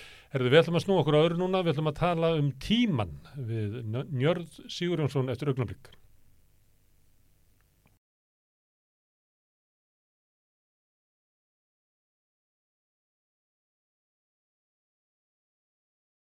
Já, þá er komið að þeim tíma að við ætlum að ræðum tíman. Enga komin Njörður Sigurjónsson. Þú ert að fara að halda erindi um tíma eða hvernig Guðmundur Finnbóðsson fjallaði um tíman. Einmitt.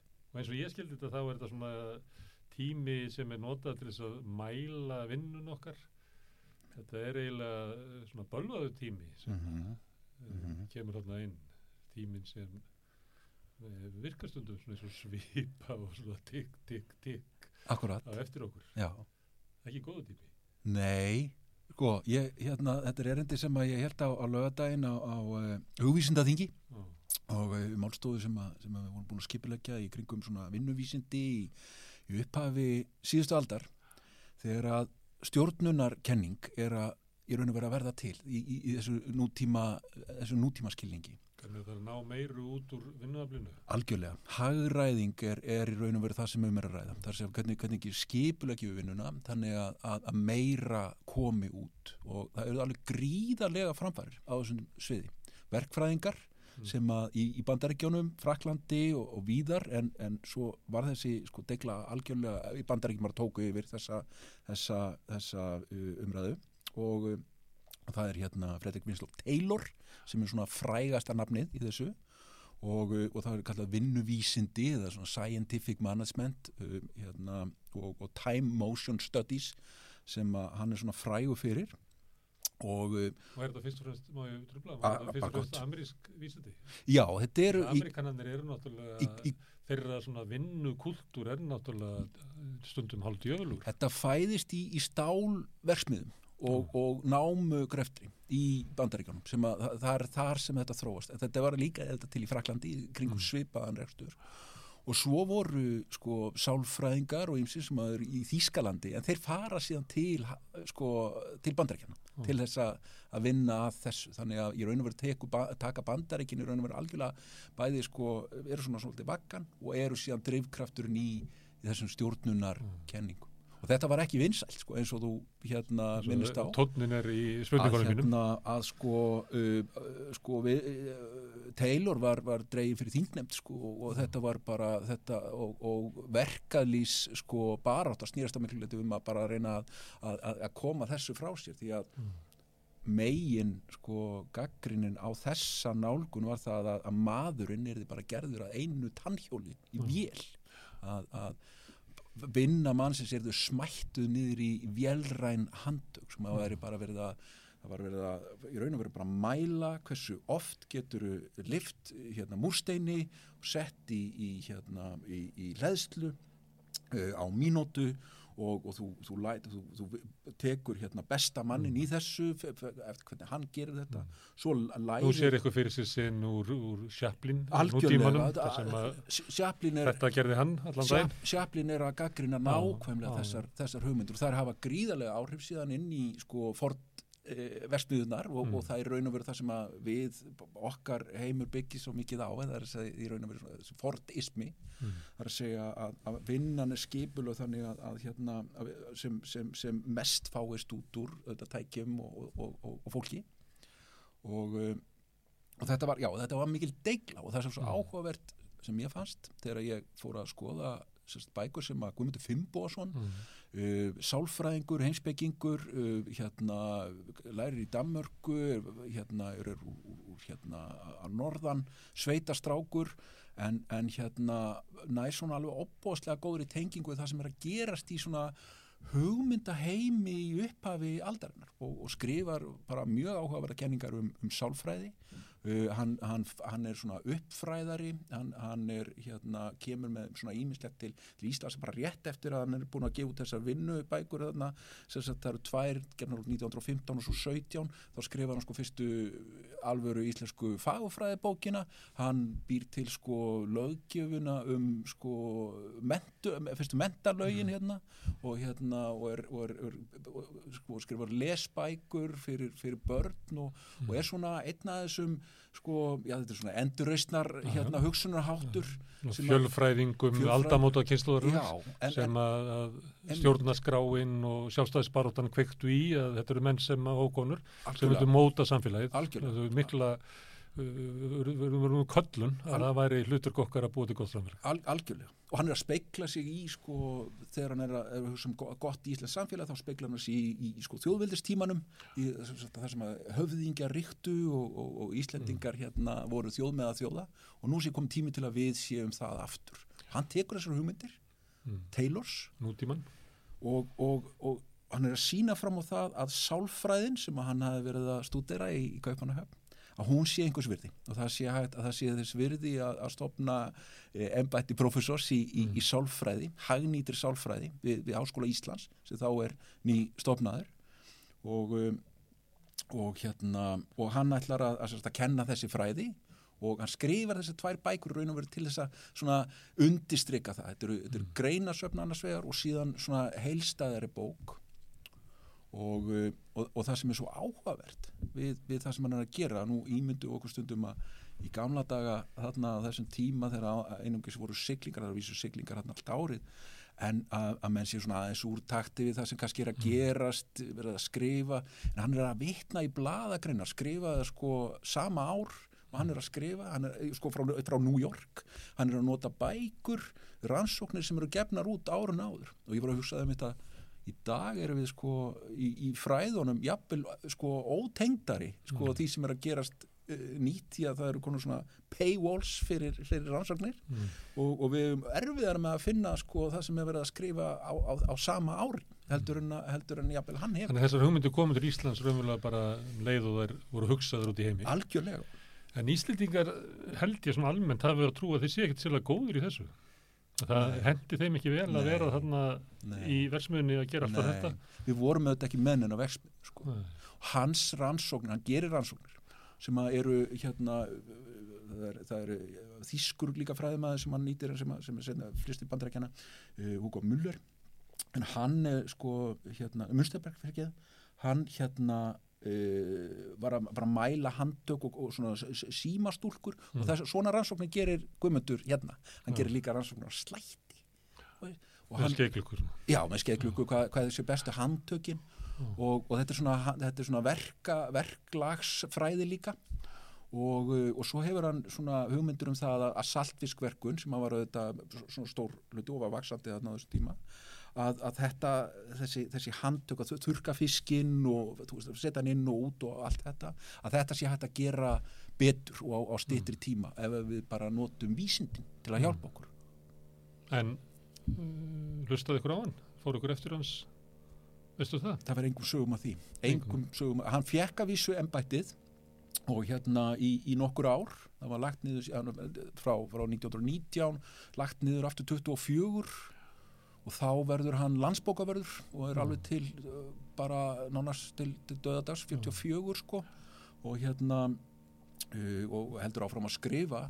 Mm. en, en, en það er engin, engin stjórnvísindi meira í íslenskri deglu, það er ekkert skrif, maður finnur ekkert á tímaritt.is um mm. svona helstu postula stjórn vísindana fyrir en bara eftir sko stríð. Já. þegar það verður svona og það er ekki að hafa haft mótandi ára á Íslandingar Íslandingar held ég að upplifi sig að þeir, þetta hendi þeim ekki. Nei. að þeir séu betri í klukkan á Íslandi séu svona ekki alveg réttur hingur þannig tikkar ekki alltaf jafn rætt þeir séu best í átökum. Ég, hérna, ég fór einmitt svona daldi með, með það í huga að leita íslenskri stjórnunakenningu það, það er sko, það, það tilkenning. Þetta rettast genningin. Já, sem, sem gengur út á það að sko, Íslendingar séu svo mótaðir að náttúrunni mm. og, og, og því sem að, að, að svona, undirstöðu atvinnu vegir þjóðurna sem sjáaráttur og landbúnaður að þeir séu svo hérna mótaðir að náttúrulegum svona dýðabriðum mm. að það sé það sem stjórni og, og, og við séum betur í að svona, við séum áhlöpsfólk mm. sem að svona getum grepið til einhvers og, og hérna Það skreiða eiginlega í hýði við veturinn í kannandaga einmitt og séum mm. ekki góð í það sem kallaði regluveldi eða skrifræði bjúrokrasi, það sé ekki þetta er eiginlega góðsögnum í Ísland. hún er svona. Hún var þetta, þetta í, í, í, og fyrir hrunnið já, já, já, þetta var, var líkillin að því að, að við gerðum sko hérna different sko mm. banking sko, hérna, kaupþinging já, kaupþinging sko. Já nákvæmlega. Og hérna, þetta setti Ólafur Ragnar Grímsson fram mjög vel sko og ég, ég verði að leita þessari hugmynd sko í, í það sem getur kallað svona textum um stjórnum mm. bara hvað hva, er þetta eitthvað staðar? Eru, eru aðrir sem að setja þetta í orðið eða slíkt? Og, og hann er ekki hann er ekki með þetta. Það er svo Guðmundur Fimboðsson Nei, Nei hann, það væri þá frekar eitthvað sem hefði anmælt á það var eitthvað sem anmælt þessu sagði að þetta er nú eitthvað sem er ekki hægt að koma með til Íslands á, þing, á þingi var þetta kallað var, hérna, hann heitir Guðmundur Eggers þingmaður hérna, ég held að hann að verið í Söðu Múla mm. Kallaði þetta humbug Já. og hókus pókus Já. það er svona skemmtileg hérna hugtök sko. en þetta var, þetta, þarna rættu menn á þingi sko, stöður og rannsóknir við Háskóla Íslands sko, það var ráðið bara á svona persónugrunni sko. Að einhverju þingumennu fannst þetta að vera, vera, vera að flytja inn þarna hugmynd að íslenska leiðin, þótt ekki kannski hafi ekki orðað Já, það, það er einhverju íslensk leið afstöðu til vinnu. Hen- hendaði ekki íslensku samfélagi sko. Íslenska leiðin, þú nefndir Óla Ragnar, hann var, hann var alltaf að leita íslensku leiðin í alls konar já, akkurat, já En þetta, þessi hugmynd að uh, þessi tími, þessi mælanlegi tími, Mhm. þessi tími innbyltingarinnar Já. og, og, og svona þessi kúun, að hann sé að þröngu okkur, þröngu sér inn í eitthvað sem er þá náttúrulegri tími. Einmitt, sko, Hvað, það var annað sem að, annað stef svona sem að ég, ég hafði áhuga á og hef áhuga á með, með og hérna og einu svona skoða stjórnunarkenningu um, út, frá, út frá hugmyndum um tíma að eh, nú hafði sko Guðm, Guðmundur Fimboðsson verið og, og skrifa do, sína doktorsritgerð um, um, um svona hermi neyð, eða hegðun að við lærum allt af því að herma eftir öðru og var, var að mér skilst sko hérna svona daldið, daldið svona góð kenning, uh, sem sagt hún var, hún var umtöluð, uh, Piaget þekkti þetta og hann var í, hann var í góðum tengslum við sko, heimsbygging Fraklandi, Henry Bergson og, og hérna og las uh, líka sko, William James, heimsbyggingur amerískur. Þessir þessir tveir síðast nefndu höfðu svona hugmyndi líka um sko, tíma sem upplifðan tíma. Það er svona sko, vildu, vildu svona aðskilja hugmyndinu um, um sem sagt, þennan, þennan klukkutíma, þennan mældatíma, setja hann aðeins til hliðar og einbytta sér að, að tímanum sem, sem upplifðum hlut. Já. og hérna Bergson gengur svo langt að kalla það raunverulegan tíma. Mm. það er sá, sá tími sem við, sem, að við, sem við finnum inn, inn í okkur sko, sem að við, þegar við erum börn þá, þá stjórnust við að eigin tíma. Það er bara, við, við, við upplifum stundir og, hérna, og það er ekkert ólíkar þessar William James kenningin og Bergson kenningin. En, en þetta er smá munur. En hérna, en ég hafði áhugaði hvort að sko hvort að Guðmundur væri sko, hvernig hann næði að samræma þessar hugmyndir sem, að, sem hann augljóslega þekkti til og þetta voru, hann hafði þessa menn í miklum hávegum í, í öðrum skrifum. Hvort hann, hvort hann næði að samræma það við Taylorismann og, og hérna það sem hann var að skrifa með, með hérna vísinda, sko, vísindalega stjórnun. Og, og, það ég, maður sér það að því að lesa þessa, þessa texta að hann er hann byrjar á að vera mjög svona velrætt og, og hérna þetta er það sem að hérna e, blífur. Já. en svo gerir hann að fetti bandarækjana í, í millitíðinu, þarna milli 15 og, og, og, og 17 uh, hittir helstu postula þessar hérna, í, í nýju fræða. Um, og, og fer í veksmiður og hérna og, hann, og þá kemur það fram þessi að, að, að hann er, hann efast um að, að, að það sé heilbrygt að maðurinn sé á einhvern nátt að það sem hann talar um svona tannhjól í vél. Já. og hann, hann sér opnana í, í mildast, hann hann, hann gerir það og hann, hann næri einhvern veginn líka að brúa sko uh, sagt, þessa hugmynd sín um, um svona gott vinnuskipulag við upplifun á náttúrunni og, og tíðabrigðun sem hann kallar þetta, sagt, hvernig, hvernig hérna, svona, svona samræmi í, í því hvernig maður svona hann leggur mikið áherslu á svona kapp og áhuga og, og hver sé, að að það sé eitthvað sem að liggja á manns svona áhuga sviði þar sem að maður er að Draga gera. úr fyrringu starfsins. Algjörlega, algjörlega. Og, og hann er nú ekki mjög sko og aldeilis ekki sko svona progressífur í, í, í svona hugsunvarðandi sko réttindi verkafólks eða eitthvað slíkt. En, en, en hann er sveita sveitamæður og, og hann er hann er hérna og hann, hann, lýs, hann er líka sko svona fagur eh, fræðingur sko, hann, hann, hann, hann, veit, hann vísa mjög mikið í, í ljóð og, og, og svona bókmentir í til stöðnins að gera það þetta líka í rannsóknum á, á hérna í doktorsvitgerðinu sinni og fleiri stöðum. Og hérna og það, maður sér svona að það er, það er svona fagufræðilegu skilningu, það er taktur frekar og, og rithmi í vinnunni frekar heldur en sko vélvirki. Ég man að þú ert að tala þegar maður var ungur og ferð, var hérna, vertið um hér og þar um landið, bæði að vinna í salti og fristihúsum og í, þú veist, út á sjó. Að þá munurinn þegar maður er út á sjó þar sem að þú vinnur umlega bara í takt við það sem maður dregin inn trossan og svo er það búið og þá að þegar það er hérna bara ve- veiðarnar stjórna tímanum. Einmitt. Hvað það var sko miklu þægilegri tíma að lifa inn í heldur en í fristihúsunum þar sem hún komst klokkan 8 á mótuna var til miðnættis Já. og svo var bara matur og eitthvað svona að, að þó maður að kannski unnið í aft mikið að þá var sko þægindi við að vera í einhverjum svona tíma svo sást fyrir endan á þessu og svo var það búið svo kom Einmitt. næsta verkefni Einmitt.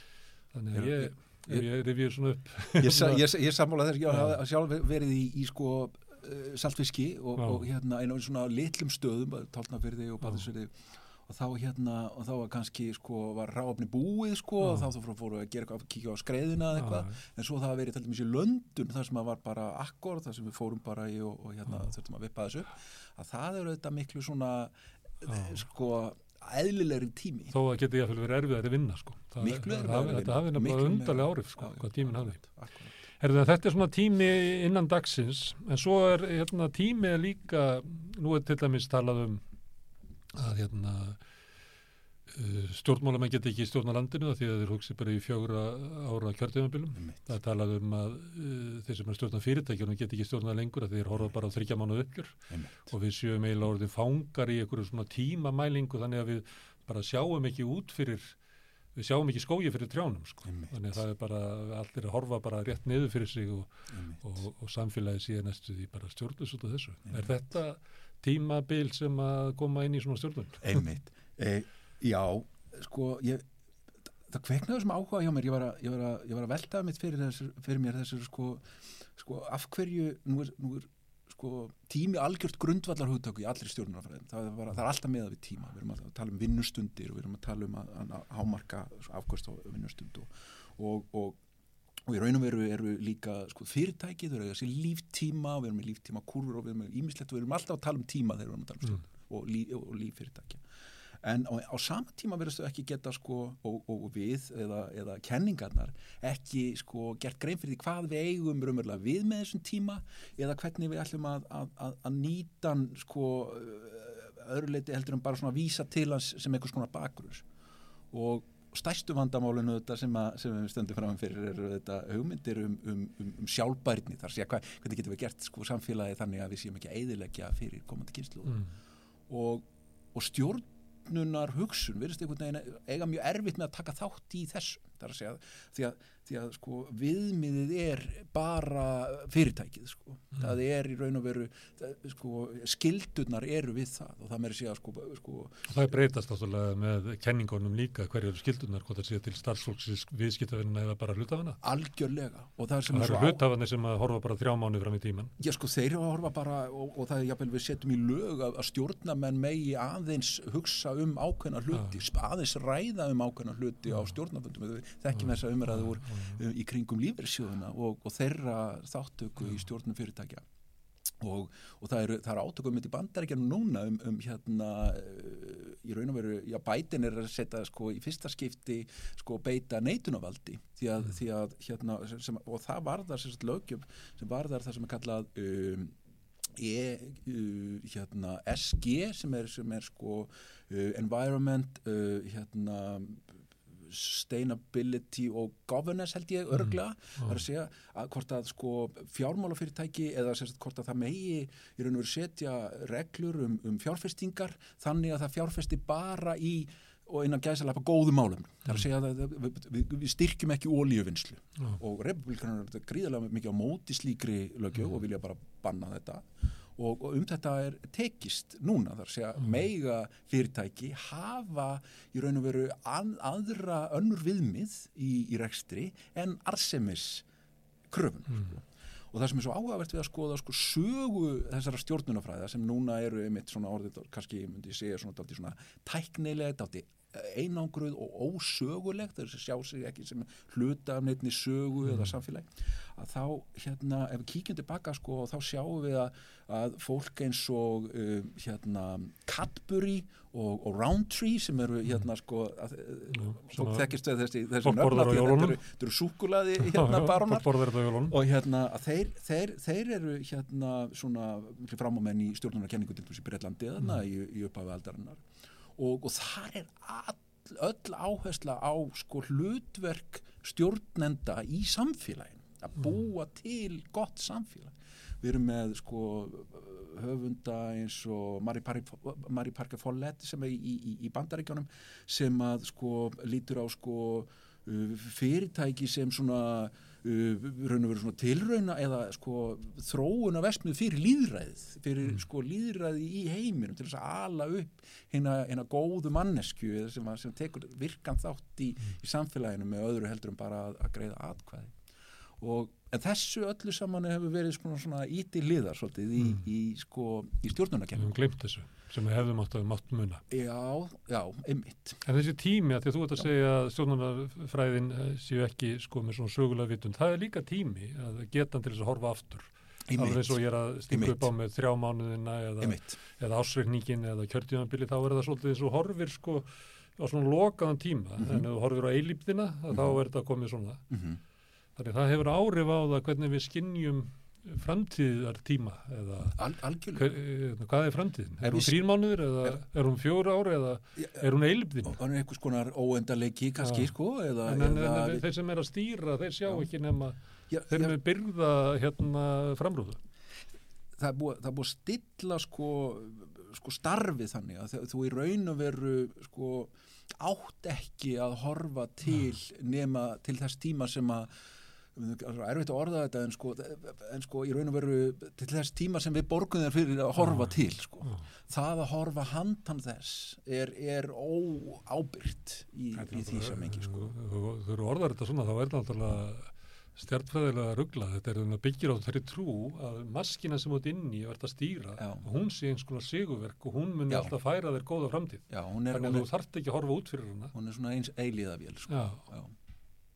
Er það. Að við séum kannski að við höfum haft svo mikla trú á sko okkar samfélagi, sigri hérna okkar samfélags, eh, að það væri svo gott að við séum hætt að hugsa sko til hvers og til hvaða framtíðar. Í- Já, sko, að einhverju leiti er, er og nú er ég sko reyndar, og alltaf bara að, að tala um þessa Já. stjórnunar þig út úr, sko.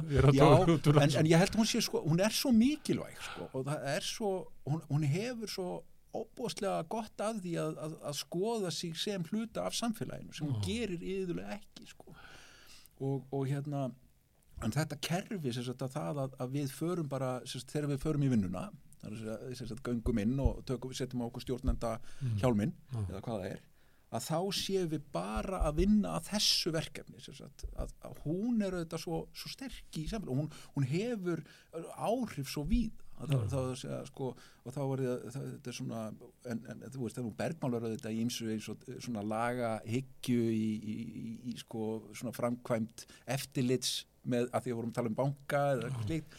Hérna, þannig, þannig við erum í raun og veru alltaf að setja sko uh, svona, svona skorður við því hvert, hvert okkar hlutverk er þegar við erum komin til þess að taka ákvarðanir þegar við erum komin til þess að, að hérna, uh, ákveða hvort að við erum að fara í þessa framkvæmdi eða, eða hina. Já. En fyrirfram er það oft sko þrönd skilgrind, þannig að þitt hlutverk er bara að kostnað akkurat, og auka tekjur. akkurat. þetta, Þannig að þú ert bara eiginlega eins og, já, já, að stjórnaldin er bara eins og sjaplin í myndinni. já, já Hann er bara með tvo takka. Já, já, akkurat. En við, en við erum líka, sko, þetta er, þetta er draumur okkar tíma um stjórn, sko. Hún er, hún er, hún er, sko, þetta er þessi veberisk hugmynd, sko, um, um reglu, hann, er, hann var reyndar varað mjög mikið við þessu og, og hérna sá algjörlega hversu, í hvað stemdi varandi þessa hluti. En, en um, sko, já, hún er, hún raun og veru rá, ræður eiginlega öllu í skipulagsheldum samtíma, sko, sem það eru opinberar eða eða enga Mm. eða, eða hva, hvað það er það er, það er þessi sko þessi, ský, þessi skýri rammi utanum, utanum skildur og, og, og, og ábyrð fólks Mm. Herðu, herðu, takk fyrir að koma hérna við rauðaborðið og tala um tíman. Já, En- takk fyrir mig Já, tíminn er svo sem ekki runnin út en í, þessi þáttur er búin í kvöld. Ég þakka öllum gestum uh, sem að hafa komið hingað kærlega fyrir og ykkur sem að hafið staldra við og hlustað. Hvet ykkur eins og áður til þess að hjálpa okkur við að byggja upp dreifikerfi samstöðunar. Það er gert með því að læka síðurnar bæði á YouTube og Facebook, dreifa efninu ef ykkur líkar. Þið sem að viljið eh, eiga samstöðuna geta gengið í alþjóðfélagið því alþjóðfélagið er félagskapur lesenda, hlustenda og áráðanda sem að eiga samstöðuna. Þið getur gert það með því að fara inn á samstöðu.is. Þar er takki sem að stendur á skráning en ég segi eh, bara góða nótt.